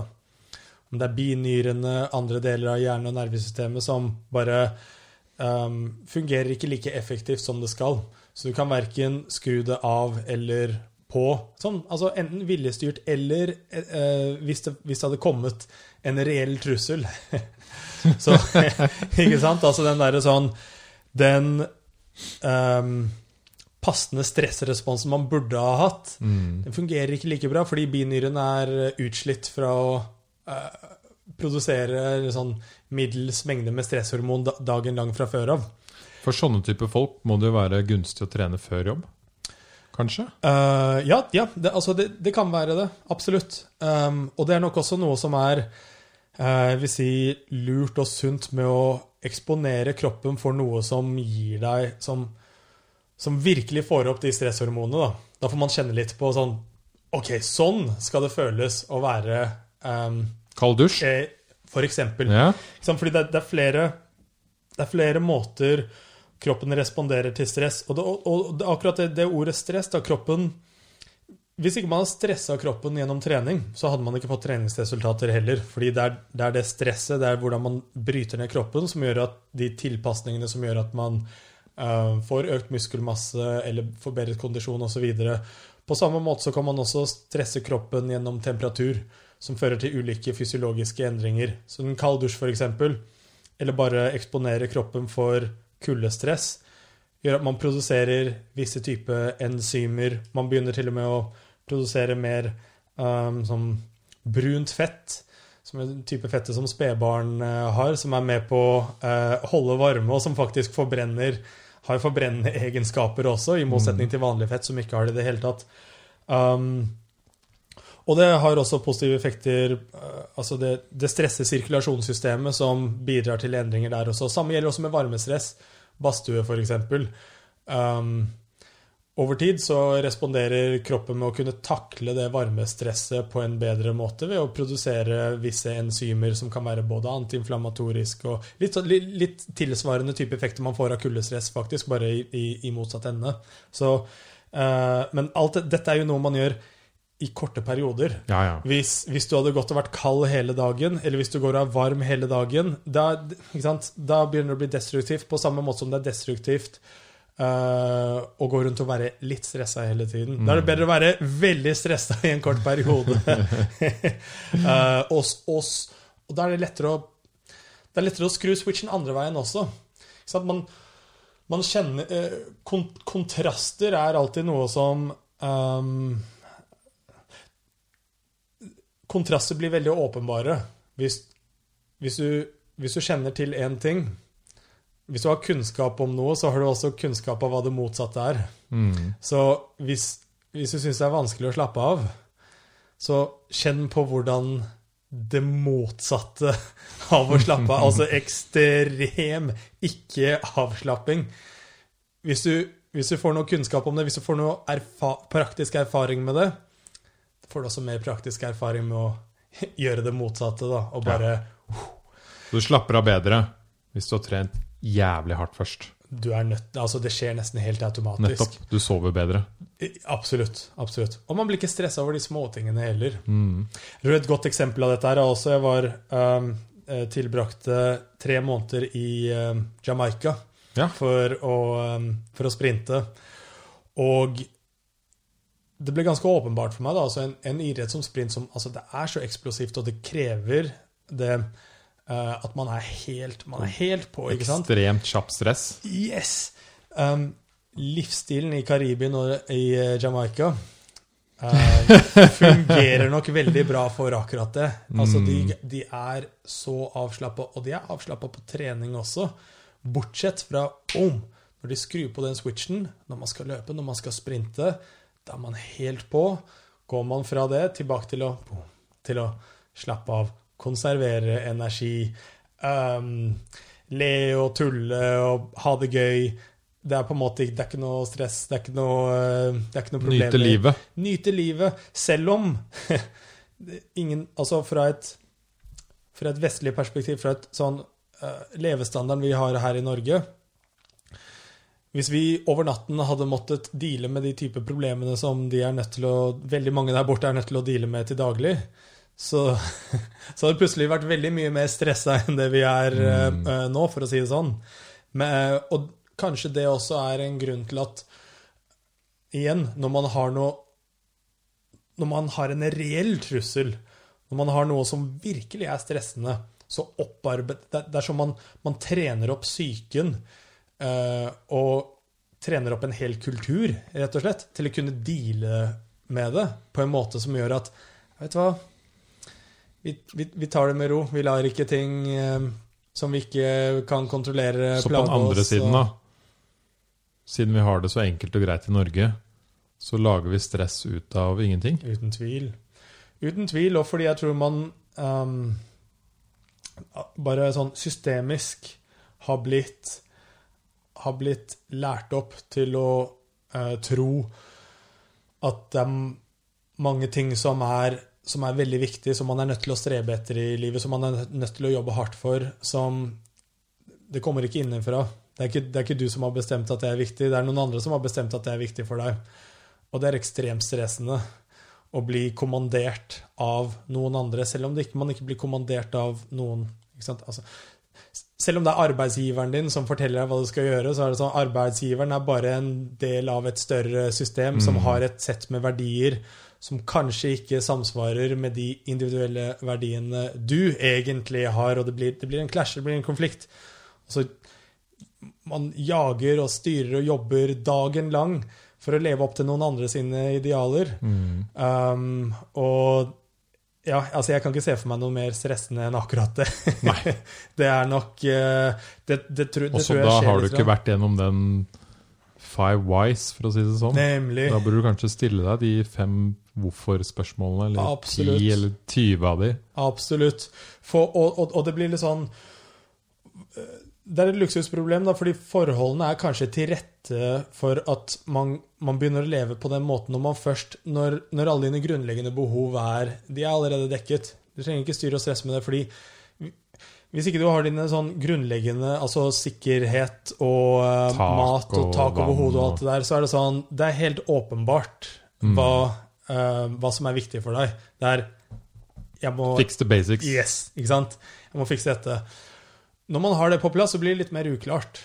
Da er man faktisk nødt til å gå litt dypere inn i seg selv for å finne ut hva som er viktig. Og paradokset er at mange av de som ikke har de grunnleggende tingene på plass, eh, kommer i en type tilstand fordi de er nødt til å Apropos det med å sånn deale med en konstant trussel som er der hele tiden, og bare hva det krever uh, å måtte deale med det, det gjør kanskje at man går inn i seg selv på en annen måte enn når det bare Når man bare kan ta det for gitt, da. Så mange av disse menneskene har kanskje funnet en dypere mening med livet sitt, selv om de ikke har de mest grunnleggende ja. tingene på plass. Sånn og man, de tenker langsiktig. Og, og, tenker langsiktig også, ikke minst. Ikke minst hvordan øh, Greit. Øh, man har gitt opp på at øh, man selv kommer til å jeg, jeg, kommer til å ha det vanskelig uansett, men hvordan kan jeg sørge for at barna mine har det eh, bra? I hvert fall, Og da, er det ikke bare tenke, da tenker man ikke bare langsiktig, da tenker man Man tenker utover seg selv og sitt eget ego i tillegg. Som altså i, i sånn Maslows hierarki-pyramide, eh, der, man, der er man jo egentlig helt på toppen. Um, jeg fortalte deg jo i stad at uh, jeg jobba et år i India. Nemlig. nemlig. Og da jobba jeg jo med veldig fattige indere. Yes. Og det var de lykkeligste menneskene jeg noen gang jobba med. Yes. De smilte hver dag. Altså, de hadde en, i tillegg en veldig kjedelig jobb som ingen mm. nordmann noen gang ville hatt. Mm -hmm. Men de satt hver dag og smilte. Mm. Og de lunsjpausene vi hadde, var fulle av latter og glede. Yes. Og så kom jeg hjem til Norge, og så var liksom temaet bare sånn Fått ny fartsdump. Bussen var fem minutter yes. forsinka. Yes. Og det skal regne neste uke. Nemlig. Det er krise i Aha. livet mitt. Det er krise, og så tillater man tillater seg selv å bli stressa av disse tingene. Mm.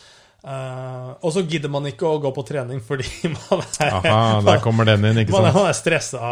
Nei, jeg man bare ligger og slappe av litt på sofaen. Jeg, jeg er sliten. That ja, makes og, sense. orker ikke. Selvfølgelig. Mm. Selvfølgelig. Hvis du sliter ut uh, huet og kroppen med stress hele dagen, så Og det merker jeg jo selv. Yes. De tunge dagene. Ja. Da er det jævlig tungt yes. å dra på trening. Altså, yeah. Da er det helt beinhardt. ikke sant? Selvfølgelig. selvfølgelig. Så da er man, altså, når man er tilbake til det, sånn, the five whys og hvordan alt sammen henger sammen, hvis det er det som er den begrensende faktoren, egentlig, hvis det er det som har gjort at man har fått behov for å ligge på sofaen og spise potetgull og alt det der, så um, Ok, da er man kanskje nødt til å starte med uh, hvordan kan jeg få, med, få ned stressnivået i livet mitt. da. Det kan veldig godt hende at det er helt åpenbart enkelte endringer man kan gjøre, eller noe man kan jobbe med for å bare endre, endre hverdagen, da. Uh, det, altså, kanskje, kanskje, man burde endre jobbsituasjonen For noen burde man endre jobbsituasjonen. Ja. Det, det, det, kan være en bra ting for noen. For andre så er det kanskje ikke et alternativ. Eller Jeg har jo uh, hørt om folk som på en måte føler at de har en ekstremt stressa morgen hver dag. Ja, yes. Og så har de begynt å stå opp en time før. Mm trene litt og meditere. Ja. Og så bare Shit, det fiksa jo hele dagen. Nemlig, nemlig. Men da må du igjen ofre litt. Ja. Da må du legge deg ikke sant? Du yes. må legge deg ti istedenfor elleve. Yes. For du står yes. opp en time før, f.eks. Det er akkurat det. Du må ofre det. Så lenge du er bevisst over at belønningen for den ofringen du gjør, kom, kommer til å være større i lengden da, enn det du må ofre midlertidig. Ja, det var jo også veldig sånn kortsiktig Ikke kortsiktig, men mange av de har merka en stor forskjell veldig fort. Da. Bare umiddelbare resultater omtrent? Ja. Yes. yes. Det, ikke sant? De merker, de merker, det veldig fort. Det øyeblikket de er nødt til å ofre noe, er som du sa, det er kanskje kvelden før. da, Når de skal legge seg litt tidligere. Der og da så er trade-offen Trade-offen er ikke positiv umiddelbart. Ikke den kvelden. Men allerede neste morgen så får man en positiv trade-off. Mm. ikke sant? Det er sånn hvert fall kunne visualisere 24 timer eh, fremover i tiden. Men desto mer erfaring man får med det, desto mer man gjør det til en, um, en, en rutine vanemessig, da krever det ikke like mye innsats plutselig. Og jeg vil argumentere for at bare det å bli bevisst over tankemønstrene man har i hverdagen, f.eks. dette her med om man finner ut at løsningen for at man skal ha mindre stress i hverdagen, eller at man skal uh, bytte jobb, greit. Da, da, er det bra. Mm. Men for noen så er det kanskje Kanskje man bare skal approache hverdagen, og jobbhverdagen ikke minst, litt annerledes. Man kan gjøre nøyaktig de samme tingene, men med et annet tankesett, andre tankemønstre.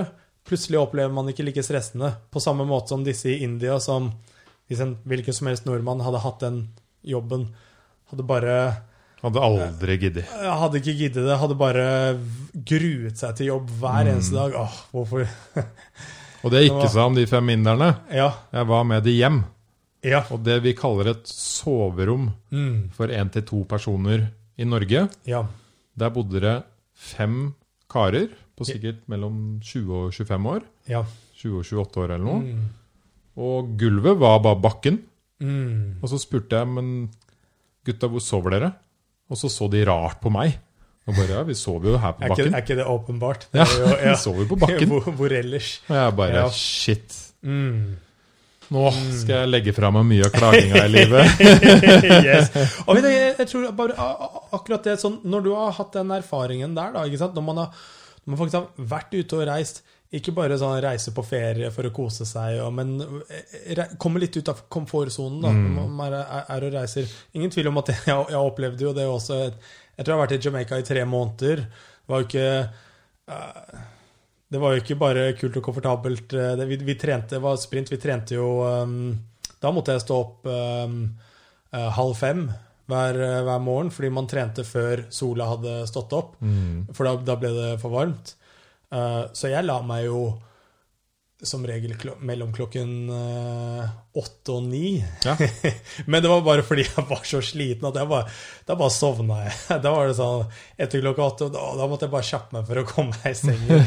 Fordi kroppen sa ifra at ja, nå er det på det. For det, det, var, det var trening dagen lang da. Og da um, Jeg klarte at um, Ja, altså Poenget med å bare uh, eksponere seg for litt Litt, litt andre type, litt andre omstendigheter, eh, hvor man ikke har samme luksusen som det man har her, det er nok noe som absolutt alle som er privilegerte, har godt av å oppleve for å faktisk kunne være takknemlig. For det er veldig vanskelig å endre tankesett. Det er veldig vanskelig å bare fortelle seg selv å ja, jeg burde være mye mer takknemlig for dette her. Det hjelper ikke at du ser det på TV heller, vet du. det er akkurat, Hvis du ikke har opplevd noe annet, hvis du ikke har vært up and close, hvis ikke du har sånn, fått en liten smakebit av hvordan det er å leve på den måten, og hvis du ikke har fått eh, altså en personlig relasjon face to face og vennskap med noen som lever under helt andre omstendigheter enn det du gjør, så man bare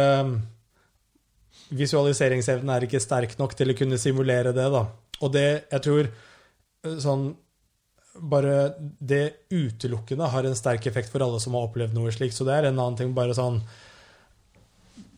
Vil oppfordre hvem som helst til å gjøre, er å Ja, Reis. det, reis. Ikke dit i Spania hvor alle andre nordmenn er. Yes. Et annet sted. Ikke dra på harrytur. Sånn, det er ikke Da oppnår man nok det motsatte. Så Men tilbake til trening, da. Jeg så en bra TED-talk her om dagen. Mhm. Der var det en eh, svensk forsker, faktisk, okay. som hadde forska på jeg vet ikke, 500 til 1000 toppidrettsutøvere i verden. Okay.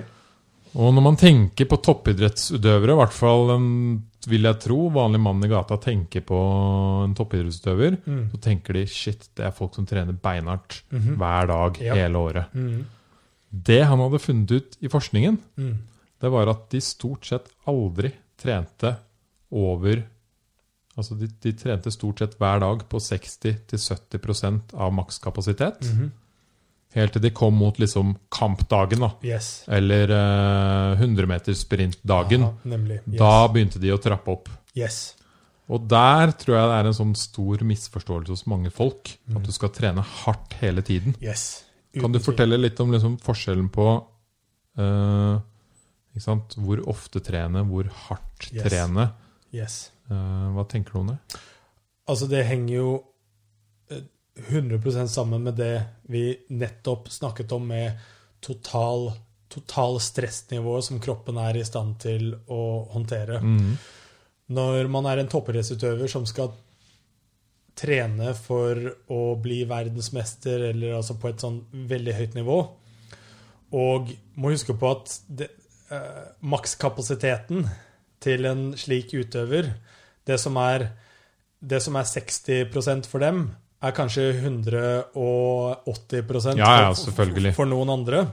Men det gjenspeiles også med totalstresset som kroppen til den idrettsutøveren da blir uh, utsatt for. Nettopp. Og man, man kan trene opp evnen til å håndtere mer totalt. De har også høyere kapasitet for å håndtere fysisk stress enn det noen som ikke har trent opp det og- også.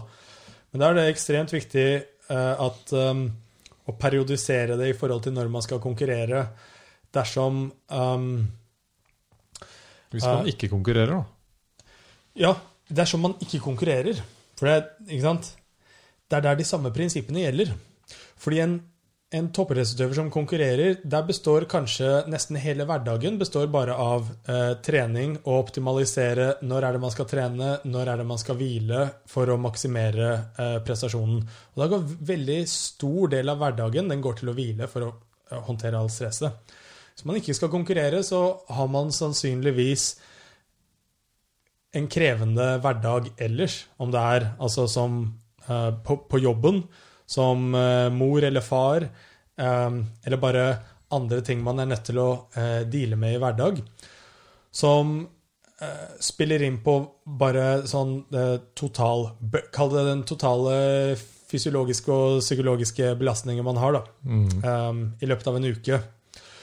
For at man skal kunne øke kapasiteten til å håndtere mer stress, så vil man systematisk i perioder ligge litt over det kroppen er i stand til å håndtere. Sånn man kaller det sånn progressive overreach, er et, et prinsipp som heter hvor det, Og det er, det er ofte at idrettsutøvere de, de periodiserer treningen sin akkurat på den måten. De ligger på 60% 70% 80% og så når det begynner å nærme seg konkurranse, så vil man faktisk ikke bare skal man være på Man vil egentlig være på nesten eh, 105% Litt mer enn det kroppen egentlig. Og så trekker man tilbake, og så går man ned igjen på et lavere nivå. Um, slik at kroppen får restituert og henta seg inn. Um, og blir litt bedre enn det man var før. Så for en person som ikke skal konkurrere, så betyr det at man må ta inn i betraktning alle tingene man har å kombinere livet. Jobb, familieliv og eh, trening. Til å begynne med så tåler man kanskje ikke så veldig mye trening. Da begynner man bare på et lavt nivå. Eh, lav intensitet, lav mengde. Så kan man gradvis Det er der, nå hørte jeg liksom et sted mange folk gjør feil oh, helt i begynnelsen. Mhm. Det er De- de tar jo halvannen times økta. Maraton. Yes, yes, det er akkurat det. Det er en sånn alt eller ingenting-prinsipp. Og det er en del av i forhold til det med disiplin.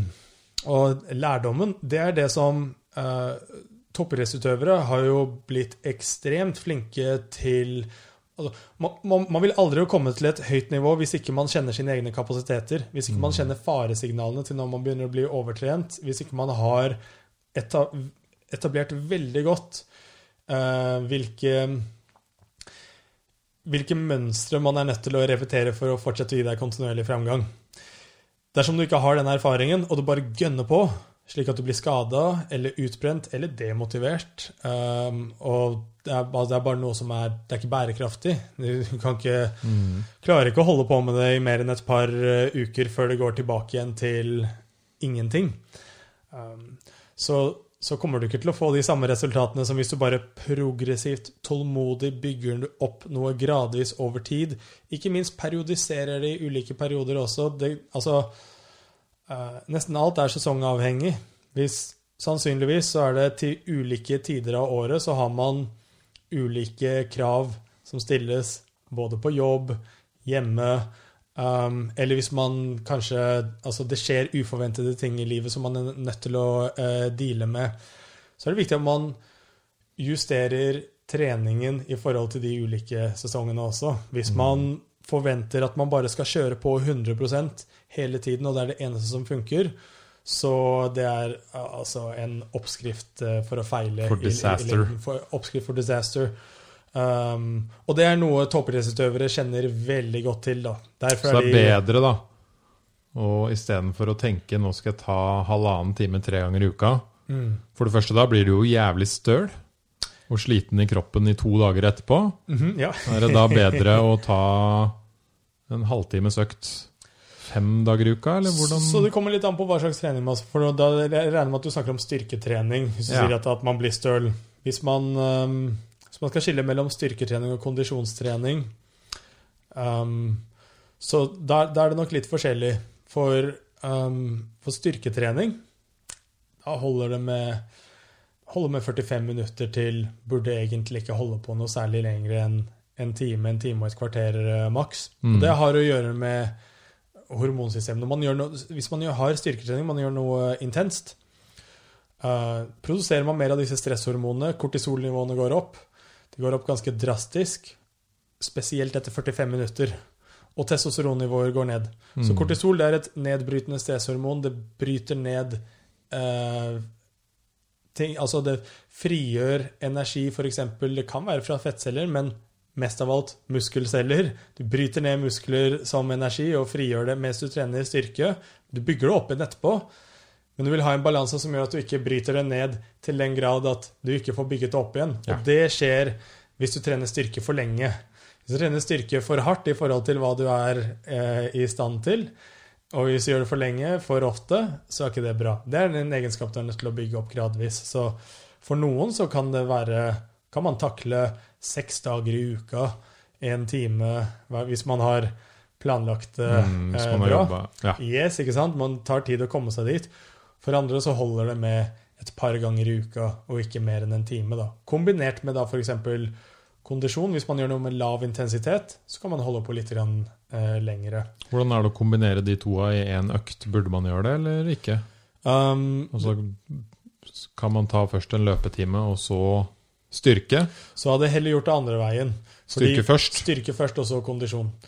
Fordi um, når kondisjonstreningen er mer energikrevende i form av hvor mye glykogen man bruker, som er det um, kropp, Altså det er det som er det, energi, det cellene bruker som energi. Du bruker glukose mm. uh, som energi, som er lagret i form av glykogen både i musklene og leveren. Det bruker du mye mer av når du trener uh, kondisjon.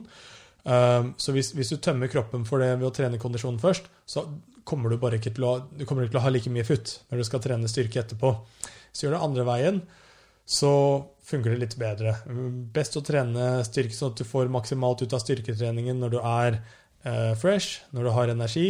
Og så på slutten av en styrkeøkt så kan man kjøre noe lavintensitets eh, kondisjonstrening. Men helst ikke for lenge hvis man skal kombinere de to sammen. Nei. Så man har lyst til å ta en eh, Fordi prestasjonen på kondisjon vil ikke bli like negativt påvirket av å kjøre styrke først som hvis man har kjørt omvendt. Eh, om, ja. omvendt. ikke sant? Men det beste er at man gjør de to treningene hver for seg. Det kan være effektivt å kjøre kondisjonstrening etter styrketrening dersom formålet er å forbrenne fett, fordi du bruker mye energi av å trene kondisjon, og når du har brukt, en, du har brukt mye glukose, øh, glykogen, mens du har trent styrke, tømmer kroppen en del for det, så vil kroppen gå over på å bruke fettlagre ah. som reserve og vil forbrenne fett mer effektivt enn om man gjør det motsatt. Når man trener styrke, så det er såpass intenst at da bruker man ikke noe særlig Man bruker ikke fettlagre som energi, man bruker mest karbohydratene som er lagra. Mens når man trener lavintensitetskondisjon, så bruker man en kombinasjon av fett og karbohydrater kombinert uh, sammen. Ja. Så det var ny læring for meg. Ja, det, det, In the old days så lærte vi jo alltid å jogge før uh, styrketreninga. ikke sant? Nei, de vil heller anbefale å ikke sant? Bra altså, tips. Kan jo bruke altså, til en viss grad, bare for å få litt blodsirkulasjon. Men det får man også bare starte med uh, Vil heller anbefale å kjøre dynamisk tøying før Dynamisk tøying, ja. Uh, dynamisk tøying før styrketrening. Det jeg mener med dynamisk tøying, det er at man, uh, man strekker man strekker en muskel f.eks. 1-2 sekunder, slipper opp strekker igjen 1-2 sekunder, slipper opp. Gjør det 8-12 ganger på de muskelgruppene man skal bruke før styrketreningen. Mm. Og Grunnen til at man gjør det i stedet for at man bare tøyer og bare holder i si 30 sekunder, er at musklene har elastiske egenskaper som gjør at uh, Det er som en strikk. Hvis du bare holder en strikk, strekker den ut og bare holder den strukket ut veldig lenge, så mister den litt av elastisiteten sin. Og da, da, mister man styrke midlertidig ved å gjøre det på den måten. Men dersom du øh, kjører dynamisk døgn, du bare holder to sekunder, slipper, holder to sekunder, slipper, så øker du faktisk elastisiteten i musklene.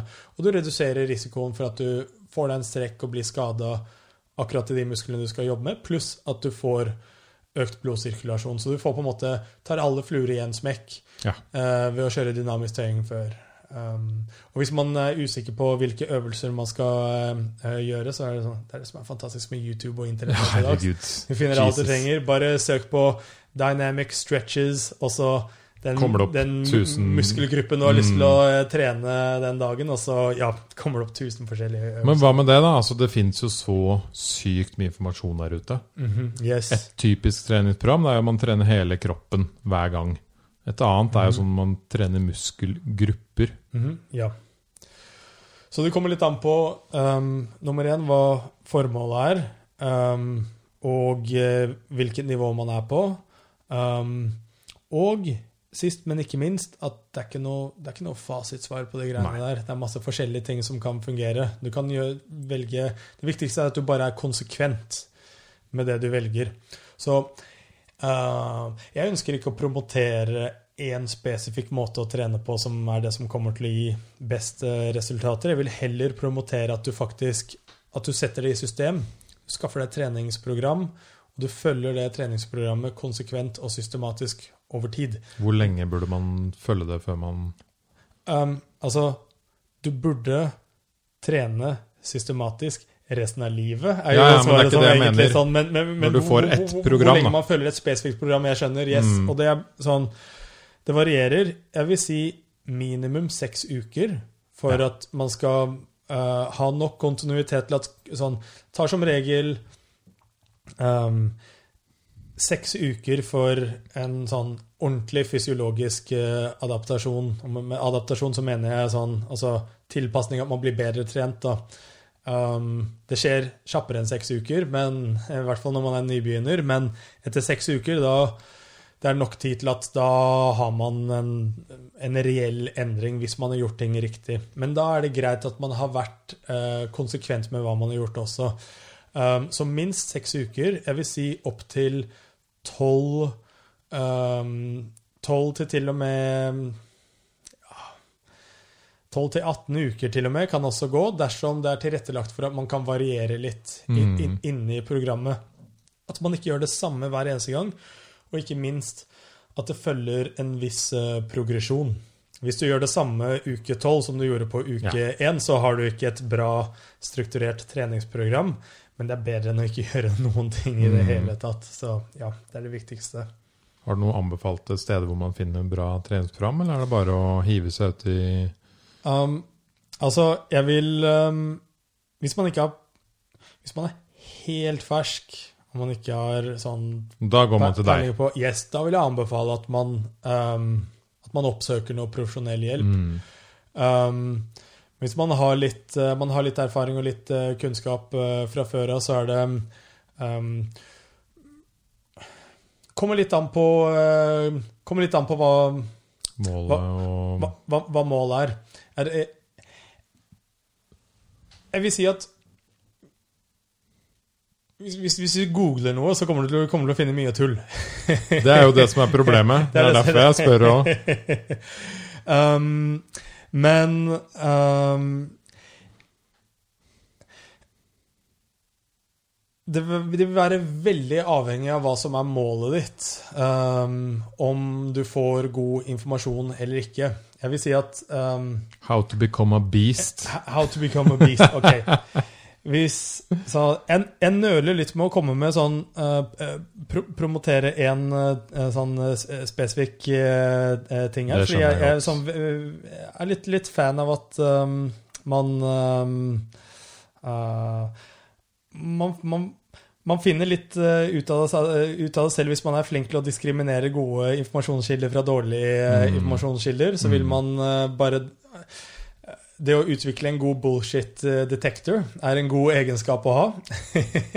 Fordi um, Det trenger man uansett Det- når man er på internett. yes, man, man gjør det. Så hvis, hvis jeg um, Hvis jeg promoterer en, en, en fast, et fast sted å gå til, kan du selvfølgelig eh, absolutt promotere komme til um, eh, Magnat Senter, eh, Ja. der, eh, der jeg eh, holder til.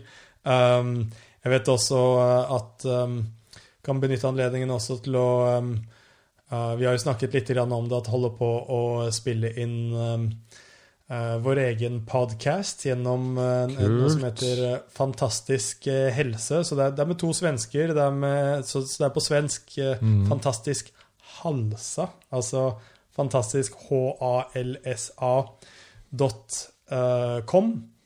Hjemmesiden. Vi kommer til å starte med en, podkast med en kokk som jeg har drevet eh, restaurant med tidligere, faktisk, og en eh, spesialistlege i Sverige som spesialiserer innenfor genetikk og gentesting, hvordan man kan optimalisere kosthold og sånt i forhold til Hun må vi få hit Yes, ja, Hun skal jeg låne. ja. Eh, hadde vært kult å, eh, veldig kult å få eh, begge to hit. Ja, eh, ja, uten tvil. Også, for du får komme til, til, til oss også. Mm. Så vi kommer til å gjøre vårt beste for å spre god informasjon der.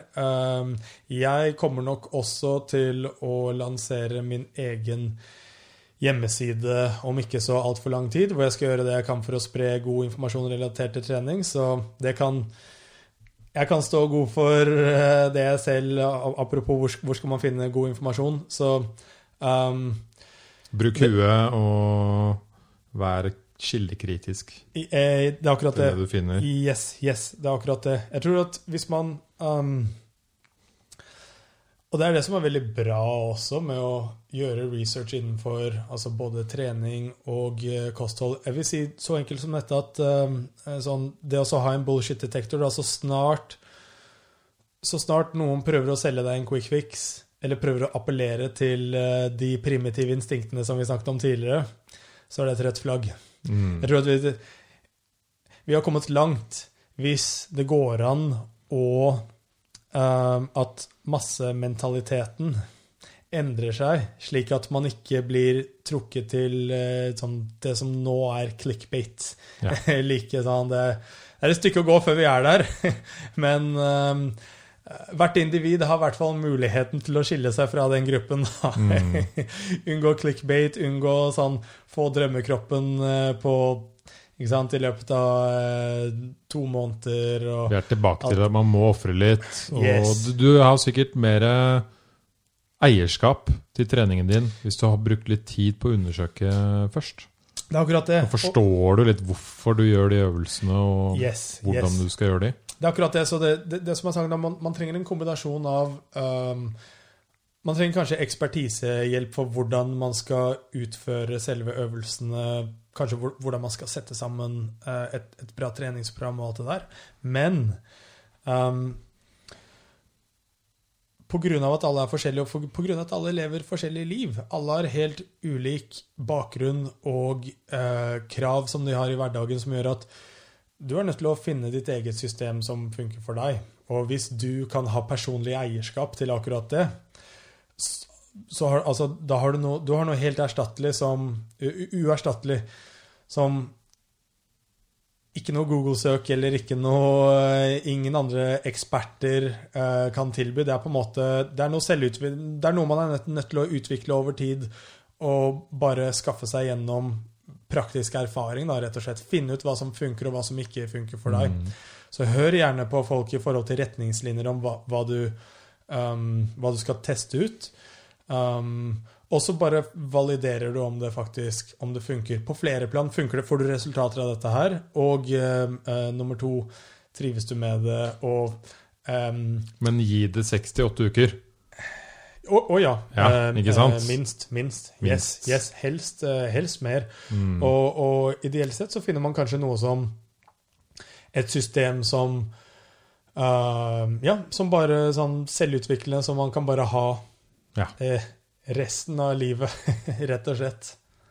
Det er helt konge. Og hva med, hva med mat, da? Kan man være vegan og, og bli svær?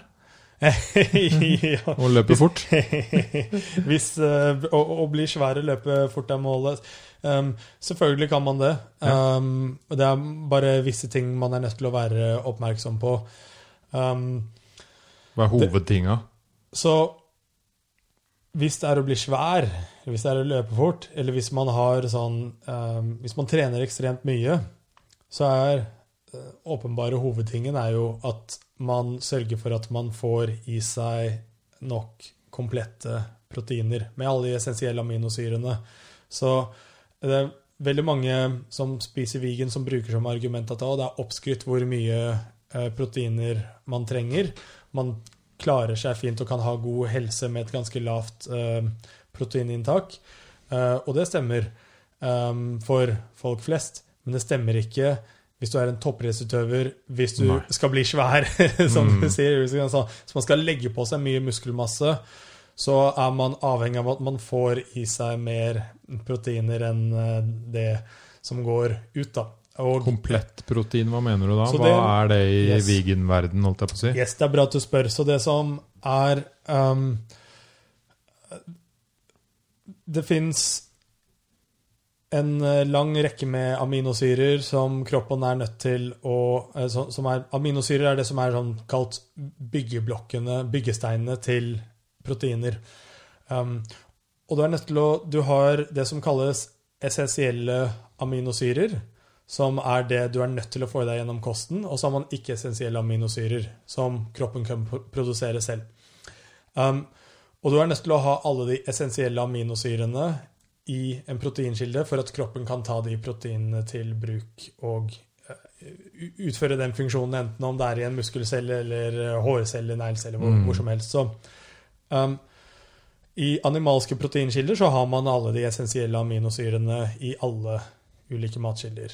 Altså all, all, alle kjøtt har alle essensielle aminosyrene. Når man har eh, vegetarproteinkilder, så fins det noen kilder som har alle de essensielle Det så, er ikke så mye, eh, og det er som regel ikke rene proteinkilder heller. Det er ikke like mye proteiner som andre, så man har f.eks. Eh, quinoa, eh, man, har, man, har, soya eh, og eh, gresskar Kjerner, f.eks., har også alle de essensielle aminosyrer. Man, man, spiser ikke det i store mengder, så generelt sett så er man nødt til å kombinere Nøtter og sånn, Nøtter har ikke alle de essensielle Nei. aminosyrene. Men um, hvis man kombinerer Det er tre ulike kategorier man er nødt til å kombinere for å få de essensielle aminosyrene. Altså komplett, alle sammen. Mm. Den ene kategorien det er um, ris, korn og melprodukter. Um, neste kategori så har du uh, linser og bønner, belgfrukt-kategori. Eh, Siste kategorien er eh, nøtter og frø.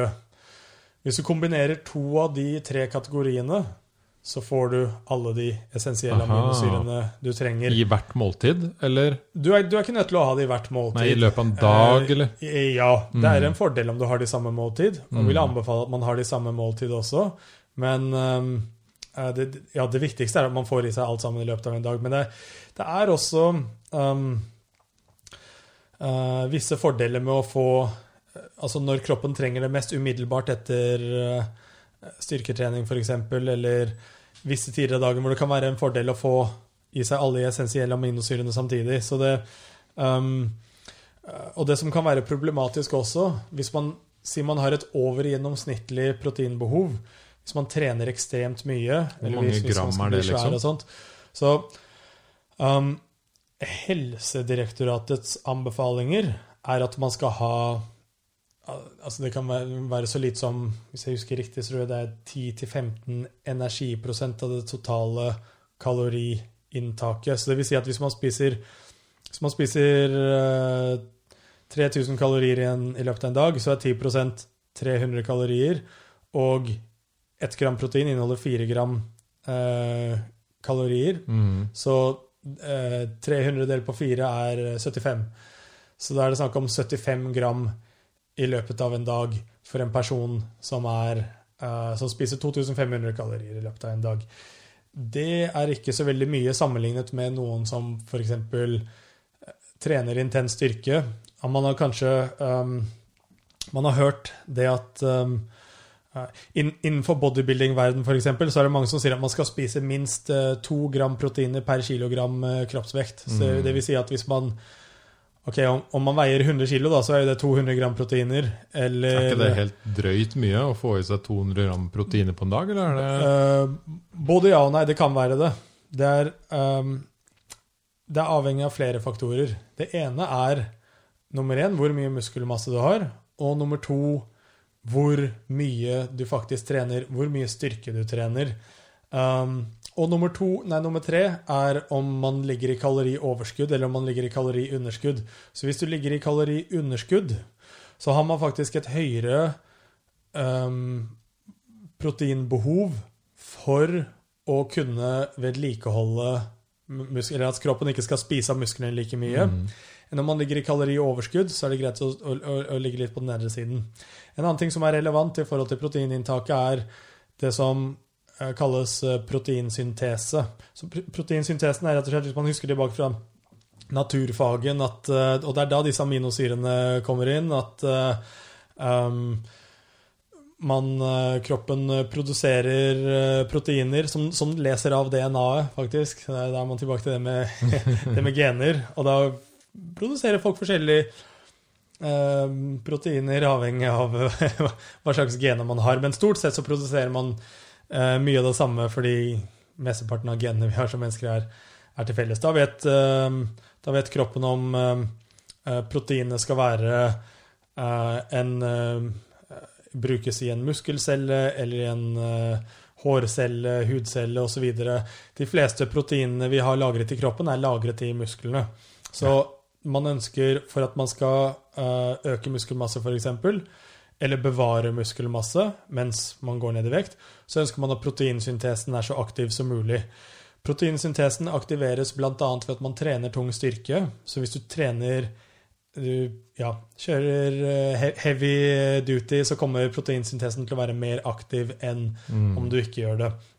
En annen måte å aktivere proteinsyntesen er faktisk gjennom inntak av proteiner. At man spiser mer proteiner. Um, og da er det eh, visse aminosyrer som er relevante, spesielt en aminosyre som heter lausin, um, som stimulerer til at, man, at proteinsyntesen er mer aktiv hvis man spiser uh, mer av det. Uh, det, det er derfor sånn BCAA står for Brands Chain Amino Acids har blitt ganske populært nå i det siste, fordi Ja, ja. det inneholder den aminosyren lausin som stimulerer proteinsyntesen. Og da er det noen som har tenkt at ok, desto mer man spiser, desto bedre, desto mer aktiv er proteinsyntesen. Sånn er det ikke nødvendigvis. Det stemmer opp til et visst punkt. Og det eh, ulik forskning har vist De har forsket på sånn topp bodybuildere. da. Hvis man, er- altså det er greit å bruke bodybuilder som Kall det sånn det mest eh, ekstreme eksempelet, Ja. ikke sant? De har som regel ekstremt mye muskelmasse, trener ekstremt mye. Og da fant de at desto mer proteiner de spiste, desto mer, eh, desto mer aktiv var proteinsyntesen helt opp til 1,6 gram okay. per kilogram. Etter det så var det ikke noe, så, så har det ikke noen ting uh, eh, å si. Så det betyr ikke at alle behøver å spise 1,6 gram proteiner per kilogram kroppsvekt, men det er en pekepinne for hvor, hvor er det grensen ligger, hvor er terskelen. Man kan få fordeler av å øke proteininntaket helt opp til 1,6 gram dersom man driver med intens styrketrening. Mm. Dersom man har mye eh, muskelmasse.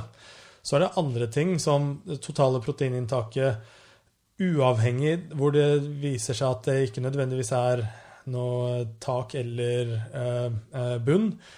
I forhold til andre sånn, hormonelle reguleringer i forhold til proteininntaket, spesielt med tanke på et hormon som heter IGF-1. Som, IGF det står for Insulin Growth Factor en, som er en type veksthormon. Det er viktig i forhold til um, Nummer én bygge muskelmasse. Nummer to også eh, reparere skade. Det brukes mye um, Hvis noen har hatt noe seneskade, f.eks., om man har fått noe sånn eh, trykk, sjokkbølgebehandling Jeg vet ikke om du kjenner til det? Mm, Der, der er det sånn, ja. he, hele poenget med det er å stimulere til at man produserer mer IGF-1 lokalt i sena der man er skada. Og Der ser man at desto mer proteiner man spiser, desto mer IGF-1 produserer man. Så det er flere argumenter for, altså for noen som er veldig aktive, til å ha et over middels proteininntak.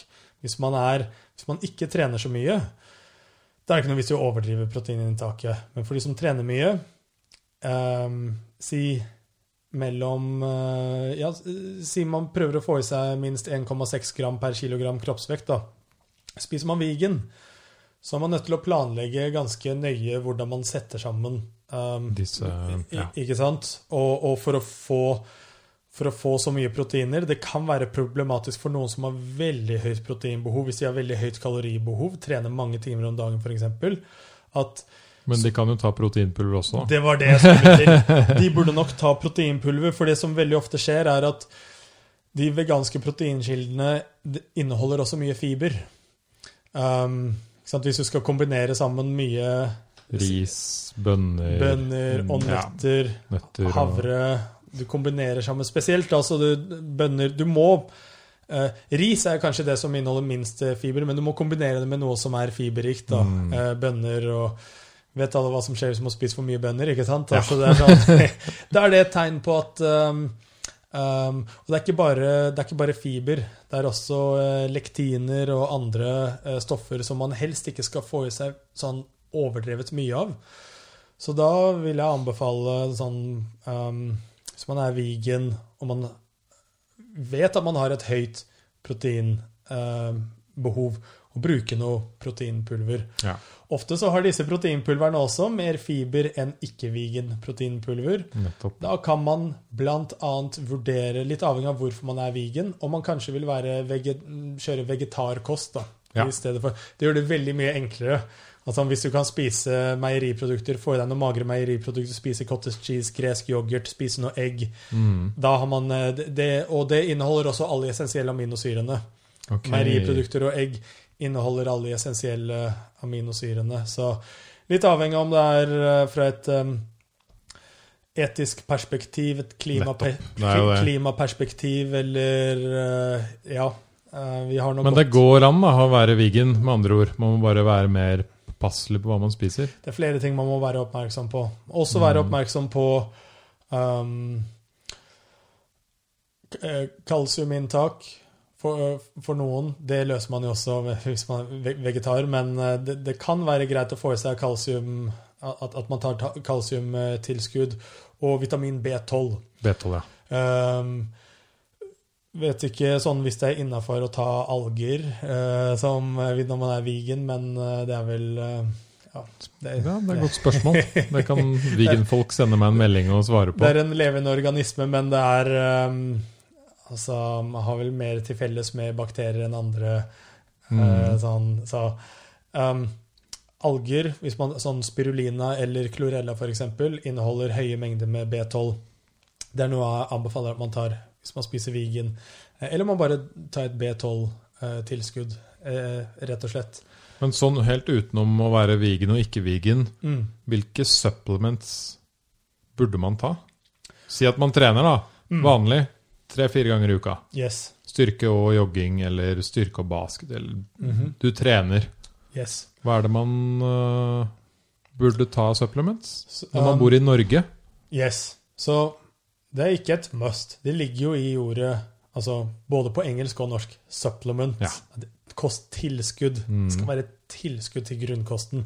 Hvis du ikke har grunnkosten på plass, så vil jeg si at det er null Du får null effekt av eh, kosttilskudd sammenlignet med å bare kline opp eh, det grunnleggende kostholdet. Mm. Så vi først har det på plass, så er det absolutt flere eh, tilskudd som kan være fordelaktig. De fleste tilskudd kommer til å være bortkasta penger, og bare bortkasta jobb for eh, le lever og nyrer. Um, men for de som trener mye, så vil jeg si at uh, et um, Apropos det med uh, proteininntaket Det kan rent Rent praktisk så kan det være fordelaktig å ta et uh, proteinpulver etter man trener, f.eks. Så kan, sant, da vil man aktivere proteinsyntesen vil tilføre eh, musklene ekstra, nei, eh, ekstra proteiner. Det kan være litt tungvint hvis du skal ta med deg noe eh, kylling eller fisk, eller hvis du er vegan, eh, ta med deg ris og bønner umiddelbart etter trening. Da, da kan jeg anbefale et, et proteintilskudd, faktisk kombinert med et karbohydrattilskudd også. Det kan være i form av eh, altså sukker, rett og slett noe som heter um, maltodekstrin, som er glukose, bare i um, sånn kostformat. Det kan også være fordelaktig å ta kombinert med proteinpulver umiddelbart etter trening. Så bare av ren, rene praktiske årsaker så vil jeg anbefale deg at Man kan ta proteinpulver ellers i, i dagen også hvis man trenger det for å få i seg nok proteiner, men det er Rett etter trening, det er viktigst. det er rett etter trening det er viktigst, og så er det viktig at man ikke uh, føler, med- Med protein så er det sånn, det er veldig enten-eller. Folk Enten så har folk en tendens til å bare overdrive det fullstendig, og de bare får i seg altfor mye proteiner. Eller så er folk ikke i nærheten av å få i seg nok Nei. proteiner. Det, det, det er sånn Den mellomtingen er litt sånn eh, Og det er det man må finne. Um, andre tilskudd For folk som nå Hva med kreatin? Yes, det var det neste jeg skulle si. Så nå, vi tar trening først, så kan, kan vi ta helse etterpå. Men Ja. sånn, bare sånn, kreatin er også et av de tilskuddene som har god dokumentert effekt for de fleste. Det viser seg at det er ca. 20% som ikke responderer på kreatin. Jeg kan fortelle kort hva kreatin er. Det er rett og slett um, I musklene så har man ulike um, stoffer som man bruker som energi. Du har noe som heter ATP, står for adenintriofosfat, som kroppen eh, Det er energikilden til eh, musklene, rett og slett. Um, og dette bruker man hvis du skal gjøre noe eksplosivt eller noe som krever eh, styrke, så bruker man opp det ganske kjapt, helt til man begynner å få melkesyre. Det er det som gjør at man får melkesyre, at kroppen går, går tom for eh, ATP, rett og slett, for eksplosive ting. Så har man også noe som heter kreatinfosfat, som kun det er noe som kun gir deg energi de første sånn fem til seks sekundene. Så det gjelder egentlig altså all intens aktivitet som krever fem til seks sekunder med um, intenst arbeid. Da. Mm. Kan kreatin hjelpe for, for hvis du tar kreatin i form av et kosttilskudd, så kan du lagre ekstra kreatin i musklene som kreatinfosfat. Men noen har veldig høye nivåer av kreatinfosfat naturlig, og derfor eh, responderer de ikke til eh, kreatin. Eh, og det- er ca. 20% er det sånn nokså konsekvent så viser forskningen det. Så det er noe jeg kan anbefale hvis man trener mye styrke, da, eller driver med noe eksplosivt. Kan man prøve å ta det, se om man responderer. Hvis man merker at dette her gjør absolutt ingenting for meg, så er du kanskje en av de 20% Trenger du ikke å ta det. Nettopp. Men hvis du er i den kategorien hvor, hvor det funker, um, så kan det kan være verdt uh, pengene hvis du har alt annet på plass. Um, jeg leste et sted på Reddit eller noe at eh, Jeg mener å huske at man kan få hårtap av kreatin. Har du noen gang hørt om det? Er det liksom en Um, myte? Det tror jeg nok er en myte. Det henger nok sammen med Det er andre ting man kan få hårtap av. og det, det er ofte sånn Grunnen til at menn har får hårtap og kvinner ikke gjør det, det henger sammen med testosteron. Mm.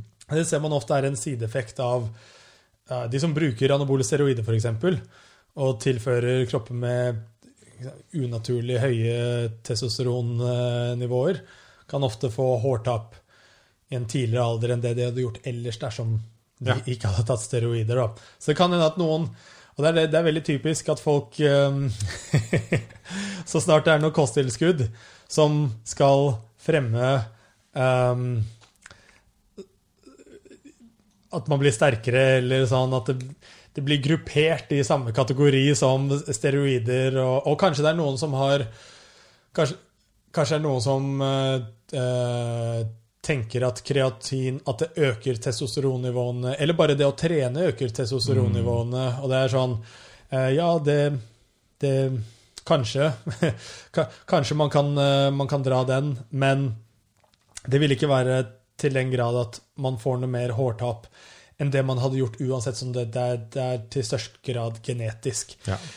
Til den grad man kan påvirke testosteronnivåene naturlig uten å bruke steroider, så kommer ikke det til å det kommer ikke til å ha noe eh, særlig effekt på hårtapet annet enn ja, den genetikken uh, man har, så det, det tror jeg nok er en myte. ja. Ok, protein, kreatin. Kreatin. Kan bare nevne et, et par ting til med kreatin som Ja, er viktig. At um, man Eh, nå finnes det jo sånn 100 forskjellige kreatinvarianter man kan ta. Mm. Sånn kreatil 1-ester, krealkylin og alt Ja, det der. man blir jo helt gæren av Yes, å prøve yes. å finne ut hva som funker. Ikke sant? Alle vil selge at det, det som er Og det er dette som er det nye og det beste. Og det er rett og slett bare fordi de får litt mer profitt på det, for det, finnes, det er ikke like utbredt på markedet. Ikke masseprodusert på samme måte. Um, kreatinmonohydrat er det som er best dokumentert, og det er det som funker best. Så kreatinmonohydrat er det billigste også. og du trenger ikke blande det med Kan godt hende, og nå vet jeg ikke, ikke sant, hvis du har lest det på Reddit ofte, og man skal være forsiktig med det også. Hvis det fins kreatinprodukter som er blandet sammen med andre ting som kanskje inneholder ulovlige dopingmidler Ja. for at det skal være eh, mer effektivt, mm, kan godt hende. Mm. Eh, så greit at man bare, bare går med et sånn rent Back to basics. back to basic kreatin monohydrat, helt pure. Og så er det viktig at man drikker nok vann mens man tar kreatin, fordi man, kreatin det lagres som væske i kroppen, så man må kombinere med å drikke nok vann. Og man trenger ikke ta så store mengder av det heller. Folk eh, Før altså da kreatin var nytt, så var folk veldig opptatt av at man måtte loade det. At du skulle ta første fem dagene så skulle du ta fem gram fem ganger om dagen. Eh, og sånn for å liksom virkelig sånn få opp nivåene i musklene eh, bra. Og så kunne man kutte ned til fem gram om dagen etter hvert. Men eh, altså, nyere forskning har vist at det er, det er mer den, den langsiktige effekten Mm. som, som er viktig. To til tre gram om dagen funker bra. Man kan ta det når man vil, egentlig. Etter trening er en bra ting å ta det. Og da kommer over tid så kommer kroppen til å få fullt metta det nivået man vil ha. Da. Så det, det holder Kult. massevis. Ok, hva mer? Så um, vi, kan, vi kan ta et par um, tilskudd på, på hel helsesiden, da. Um, som, altså, trening og helse burde jo helst henge uh, tett Absolutt. eh, sammen, men det er sånn uh, Kreatin viser seg faktisk eh, sånn, Man har jo bare forsket på det. Nå snakker mye om kreatin her, da, men um, en ting som folk ikke vet så mye, er at um, i og med at det kun har blitt forsket på i treningssammenheng, så um, var det bare sånn in, inntil nylig at de begynte å forske på det ting som ikke hadde med trening å gjøre. F.eks. Um, kognitive egenskaper, og uh, fant ut at uh, det reduserte eh, depresjon. og det reduserte også forekomsten av Alzheimers. Og mye sånn, litt sånn spennende ting. Der, der må man nok fortsatt gjøre en del mer forskning, men det, det viser bare at um, hvis det er noe som er bra for trening, så er det sannsynligvis bra for andre ting også. Mm. Og vice versa, hvis det er noe som er bra for andre ting. Sånn, det blir fra et markedsføringsperspektiv og fra et forskningsperspektiv så har man kanskje bare fått funding til å forske på hvilke eh, positive effekter er det dette her har for noe helt spesifikt helsemessig. Mm. Men så har det også fordeler på andre ting. Så et stoff som eh, jeg er veldig glad i der, på helsesiden, er uh, kurkumin, Ok, som er um, et hvordan skriver man det? Med K, eller? um, Q? Altså det på, på norsk er det vel kanskje med, med K, men engelsk er det C. C-U-R-C-U-M-I-N. Er det fra, Det er fra gurkemeie. det er fra gurkemeie? Fordi Yes. gurkemeie er noe jeg digger å bruke. Oh yes, oh yes. Så det man ser der, det som er så fantastisk med uh, så, så, så kurkumin, det er, det er det som er det aktive virkestoffet i, i gurkemeie som gir den uh, gulfargen. da. Mm. Um, og det man ser her, er at det, er flere positive egenskaper kurkumin har. Det ene er at det, er, det virker eh, antiinflammatorisk. Og um, altså inflammasjon, rett og slett eh, betennelse og hevelse i kroppen, det er noe som en hvilken som helst uh, sykdomsprosess eller skadeprosess, alt som går galt i kroppen, på en måte har Inflammasjon eh, spiller en rolle der. Så får man ned inflammasjon, så vil det være positivt for eh, alt som kan gå galt, eller går galt i kroppen. Eh, det andre er um, eh, også for nervesystemet, med tanke på Altså, én ting er man, Når man forsker på ting, så blir det jo ofte um, Funner man og, å, å forske på det i forbindelse med en eller annen sykdom, så ser man jo på at ok, det reduserer forekomsten av Alzheimers og demens. Um, men det betyr jo ikke at det kun fungerer for å forebygge at man blir dement, men det kan også fungere positivt for nervesystemet, som gjør at man tenker bedre og klarer Ja, ja. å um, Så Men kan du også bare spise gurkemeie? OK, så skal, skal komme til det. Um, jeg kan svare på det med en gang. Det, og og uh, både ja og nei. Utfordringen med kurkumin er at man absorberer ikke så veldig effektivt i eh, tarmen. Uh, mesteparten blir bare sånn flushet eh, gjennom systemet. Men eh, det fins visse stoffer som gjør at man kan absorbere det mer effektivt. Et av dem er sånn Patentnavnet er bioperin, men det er rett og slett bare sort pepperekstrakt.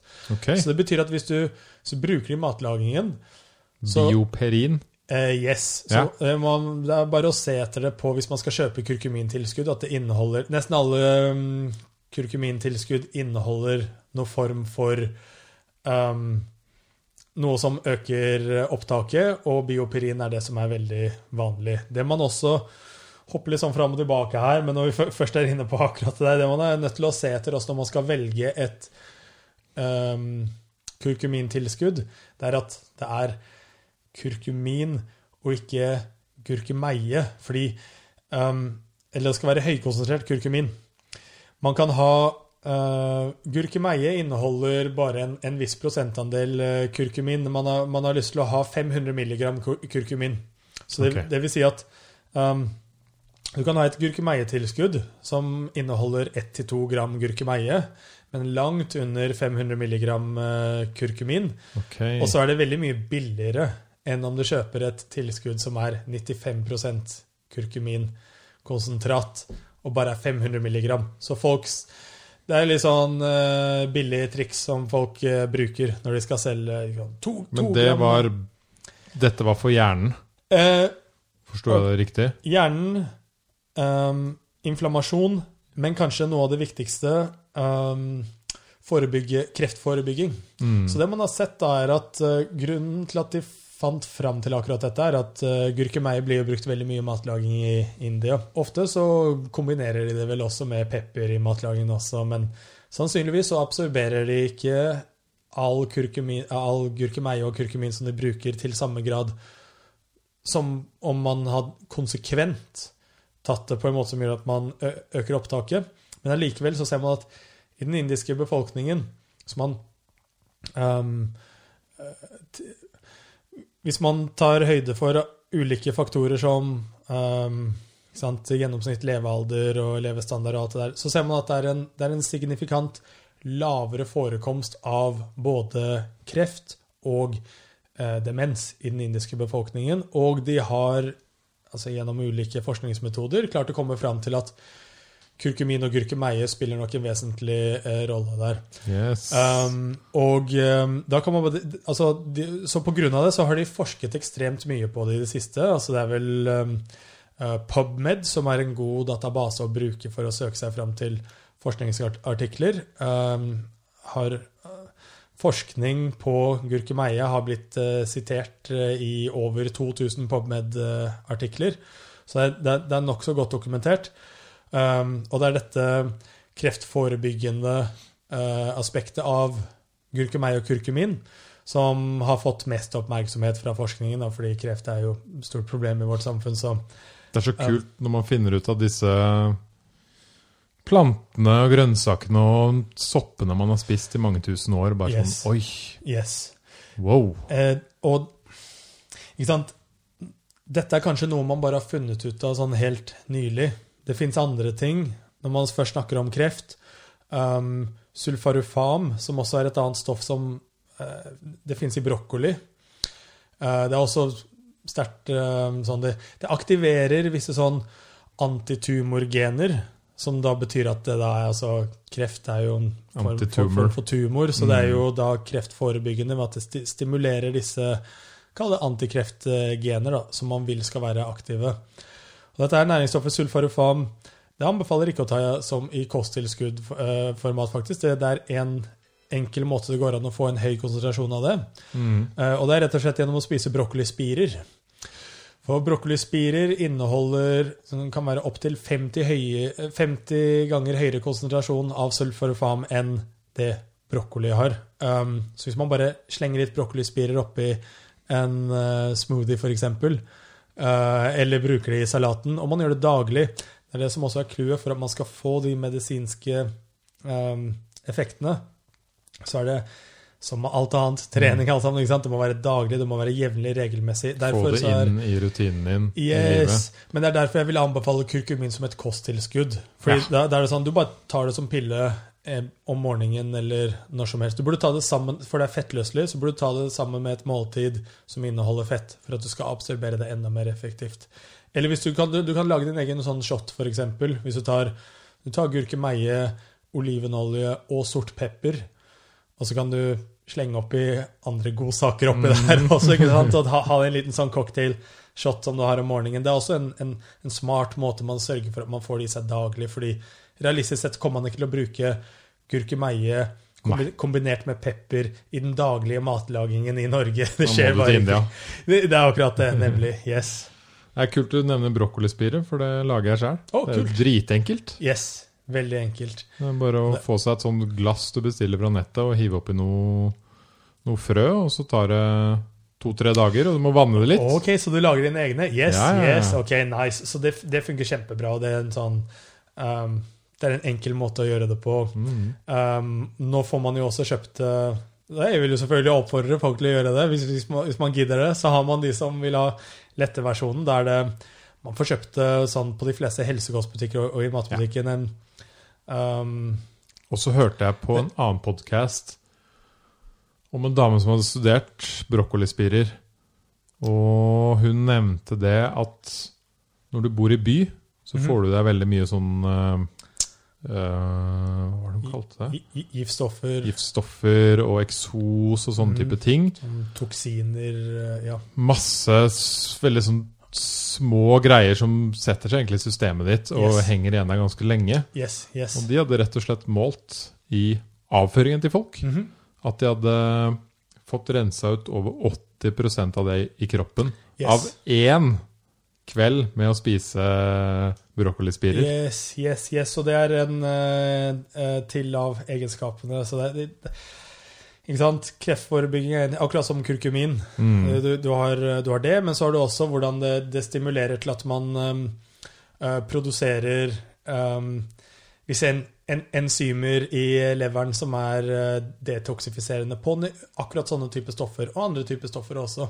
Så det Ja, spesielt når man bor i byen. Folk er veldig sånn paranoide over at man får i seg for mye giftstoffer og tungmetaller og alt det der, men så tenker man ikke over at hvis man At det er visse matvarer man kan spise som faktisk eh, gjør at man klarer å eh, detoksifisere det litt mer effektivt, da. Mm. Så Um, så det er også enda en grunn til at man burde spise um, brokkolispirer. Kult.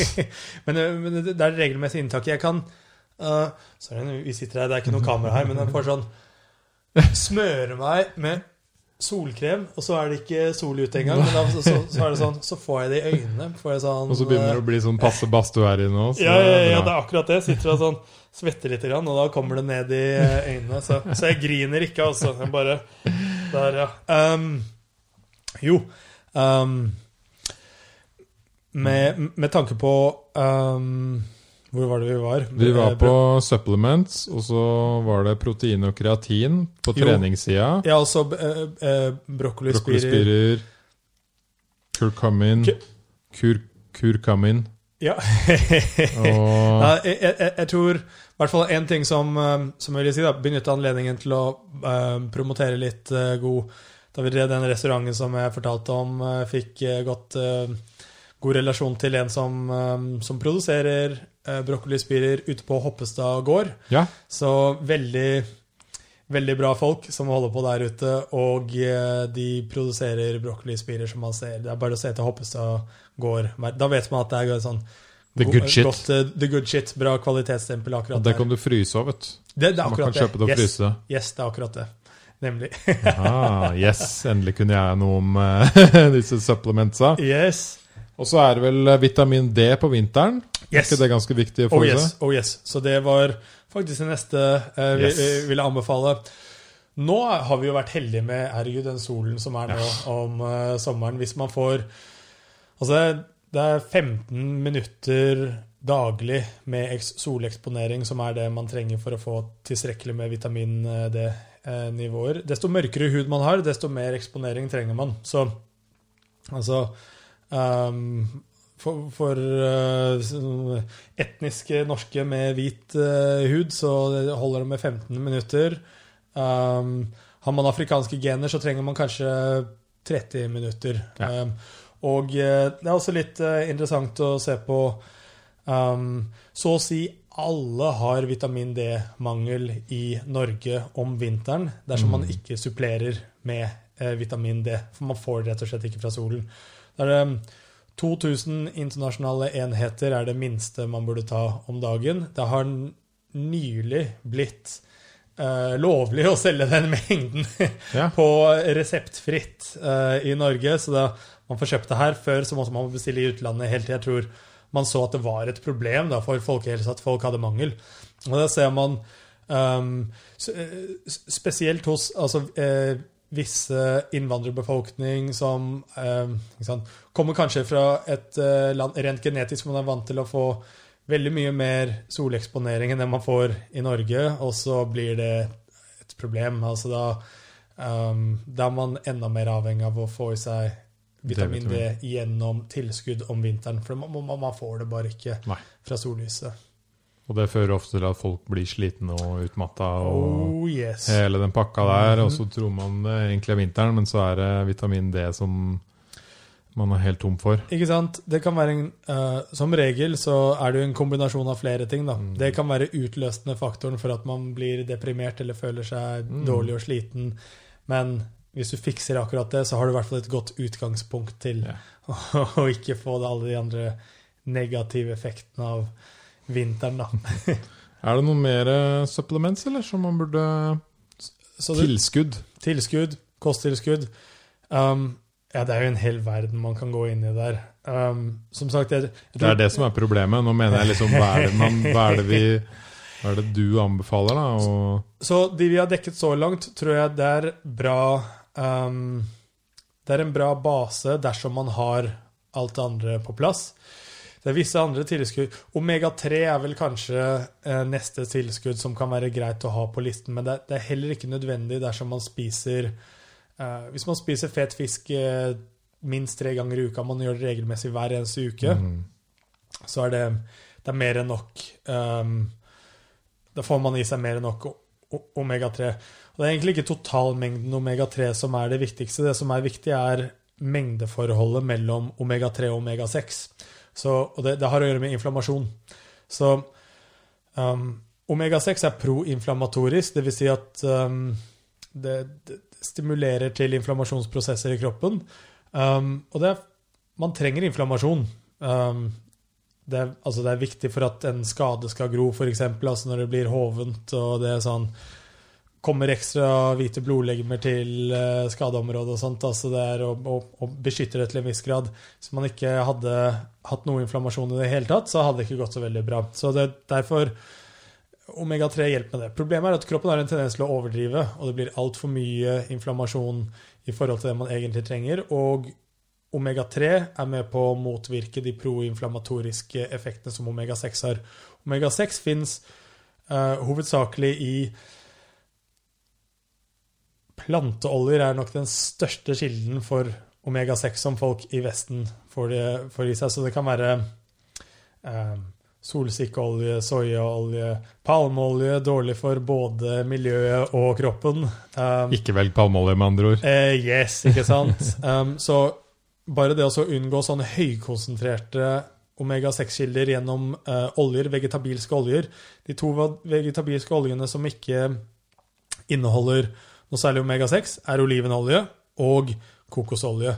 Um, rapsolje inneholder også omega-6 til en viss grad, men det inneholder også mye omega-3. Så det, det, um, det, det hjelper for det, da. Mm. Um, så formen for omega-3 man burde ta, eh, anbefaler å ta det altså noe, noe form for fiskeolje. God gammeldags tran funker. Trans. Um, det, det, altså, det man ønsker å få i seg, det er um, omega-3 i form av EPA og DHA, som er det man um, det er de, de marine kildene da, fra havet. Fisk, eh, reker, kreps osv. Makrell i tomat, da. Makrell i tomat, perfekt. Det er helt Perfekt. konge. Det er godt å høre. Det er konge. Så hvis man er vegan, f.eks., så får man jo ikke gi seg nøyaktig det. Det som skjer, er at kroppen har en evne til å gjøre om um, Altså, man, det, det er planteversjoner av omega-3 også, som heter um, Det er ALA, som har litt andre funksjoner. Man er faktisk avhengig av både EPA og DHA, eh, spesielt for hjernen, men kroppen har evnen til å gjøre om ALA til EPA og DHA. Så det er good news for folk som er vegan. Men det man ser da, er at man er nødt til å, man er nødt til å være konsekvent med det. da, Og man er nødt til å få i seg gode kvalitets vegetabilske ALA-kilder. er, Enten om det er en sånn um, frø, nøtter, linfrø, eh, chiafrø, eh, valnøtter og diverse, eller et tilskudd som um, eh, linfrøolje eller noe sånt. Men da er man nødt til å være ganske konsekvent på akkurat det for at kroppen skal være effektiv til å gjøre om um, vegetabilsk omega-3 til sånn marinsk Mm. AL, eh, ALA om til DHA og EPA i kroppen. Kroppen blir flink til å gjøre det dersom man er konsekvent med å kun få i seg ALA. Hvis man får i seg litt Så hvis du er vegan, er det mye å, å være observant på, da.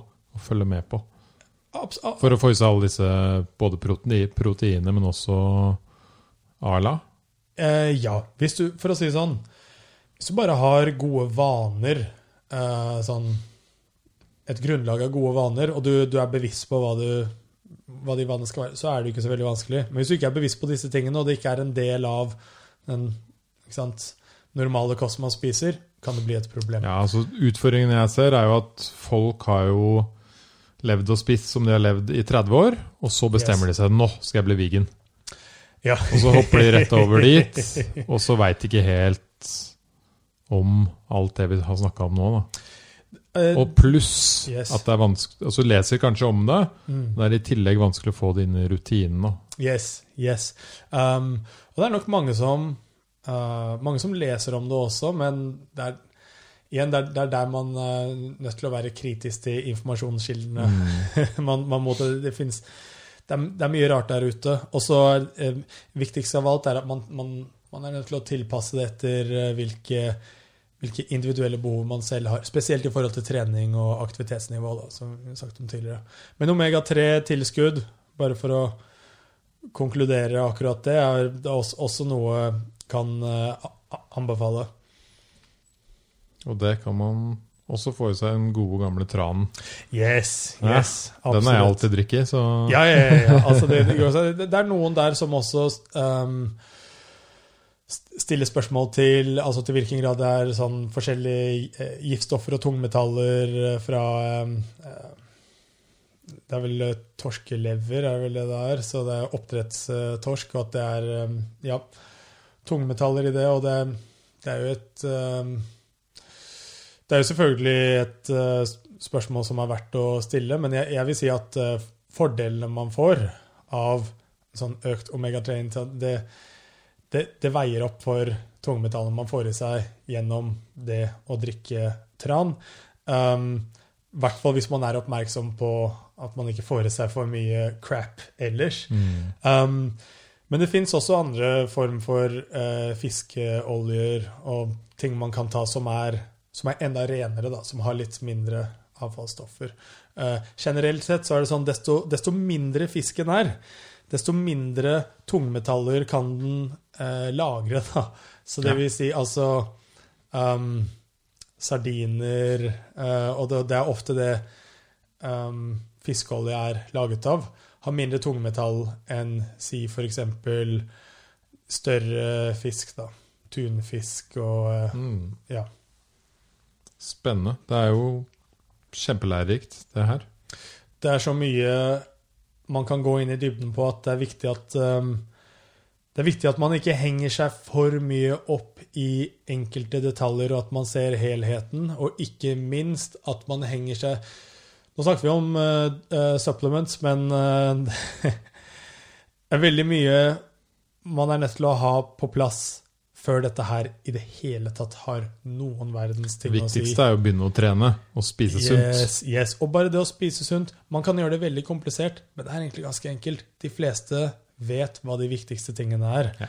Altså, alle vet at det ikke er en god idé å stappe i seg sjokolade og drikke seg drita hver eneste helg. Uh, og ja, spise masse pizza, iskrem, fast food, junk, alt det greiene der. Um, starte, med å, starte med å i hvert fall begrense det. Og um, litt av måten man i det hele tatt kan klare å begrense disse tingene. Jeg er veldig fan av eh, Så snart man har et restriktivt fokus på ting Nei, nei, nei. Jeg kan ikke spise det. Jeg kan ikke gjøre ditt og datt. Så er det Nummer én, det er vanskelig å opprettholde i lengden. Nummer to, det er ikke noe kult. Man vil heller være et ja-menneske enn et nei-menneske. Og da er det mye bedre å ha fokus på hva er de tingene man faktisk skal spise. Hva er det man faktisk skal inkludere i kosten. Hvis du har fokus på det, så blir det mye lettere. Helt automatisk kommer man ikke til å spise de dårlige tingene. Og man kan også gjøre det veldig komplisert med de Altså, hva er det som er sunn mat? Hva er det man skal spise? Men de, de, hvis man bruker sunn fornuft, så vet folk allerede hva de viktigste tingene Ja. er. Altså, det, du vil aldri gå feil på å spise bra med eh, grønnsaker. Spise riktig med frukt og eh, grønnsaker. Um, få i deg um, sånn gode Nå skal ikke sånn Skal være litt, litt, litt forsiktig med å si um, Det er det som er så skummelt, vet du. Du være forsiktig med å si nesten alt. Oh yes, oh Ja. yes. Fordi noen kan være Jeg, skulle akkurat til å si få i deg gode sånn um, fiberrike karb karbohydratskiller, ikke sant? Altså uh, fullkornsprodukter og alt dette her. Men så har du noen som kanskje ikke uh, Den kommer og bare Fuck de, you! De, de, ikke sant? Yes, oh, nei, nei, nei, ikke sant? Gluten er Mm. bad, og man skal ikke spise det. Eller uh, man skal spise keto og alt det greiene der. Og da er det sånn OK. Um, Men til han, til han eller hun vanlige personen som ligger i sofaen og er lat yes. Spis det du vet. Bruk sunn fornuft. Spis det du sant? vet er sunt. Jeg trenger ikke å si hva det er engang. Du vet Nei. hva det er. Eh, Du ser best- det. best- Du best- ser. Bestemoren din fortalte deg. Yes, ikke sant? Og du blir det du spiser.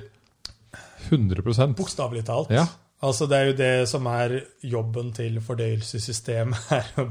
Og resten er Den gir deg signaler når du spiser dritt hele tiden. Den gjør det. Det, det er et sånn ganske sånn Det er et mirakel når man tenker over det, da, hvordan du kan, du kan spise Spiser noe, blir det magisk forvandlet om til eh, celler i kroppen som blir til det, Altså Det mennesket som sitter på andre siden av meg, det er på en Mm. måte Alt fysisk i kroppen din er Fins i maten eh, du har spist. Det er ganske fascinerende når man tenker over det. da. Veldig. At, eh, ja. År etter år etter år putter i seg ting, og så Yes. sitter man der, da. Vokser og Så Da er spørsmålet vil man putte i seg good shit eller bad shit. yes. Og da er spørsmål, spørsmålet da Vil du være good shit eller bad shit da, hvis man Mm. blir det man spiser? Nettopp. Helst uh, Hvis man vil være bad shit, greit, det er sånn man, man har fritt valg. De fleste vil nok ikke det, men um, Men bare start med sånn Man trenger ikke gjøre det vanskelig og komplisert. Bare, bare sånn, Man må bare bestemme seg. Finne ut at det, det er sånn OK, jeg har, har lyst til å gjøre noen endringer som jeg vet kommer til å være bra for meg.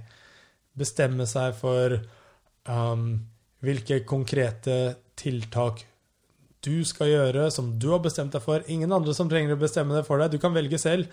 Friheten til å velge selv om det er at jeg skal bare begynne å gå skal bare begynne å gå to ganger i uka, og jeg skal i stedet for å spise um, I stedet for å spise sjokolade hver dag, så spiser jeg det akkurat som da man var en kid. Jeg spiser det kun på lørdager. Ikke sant?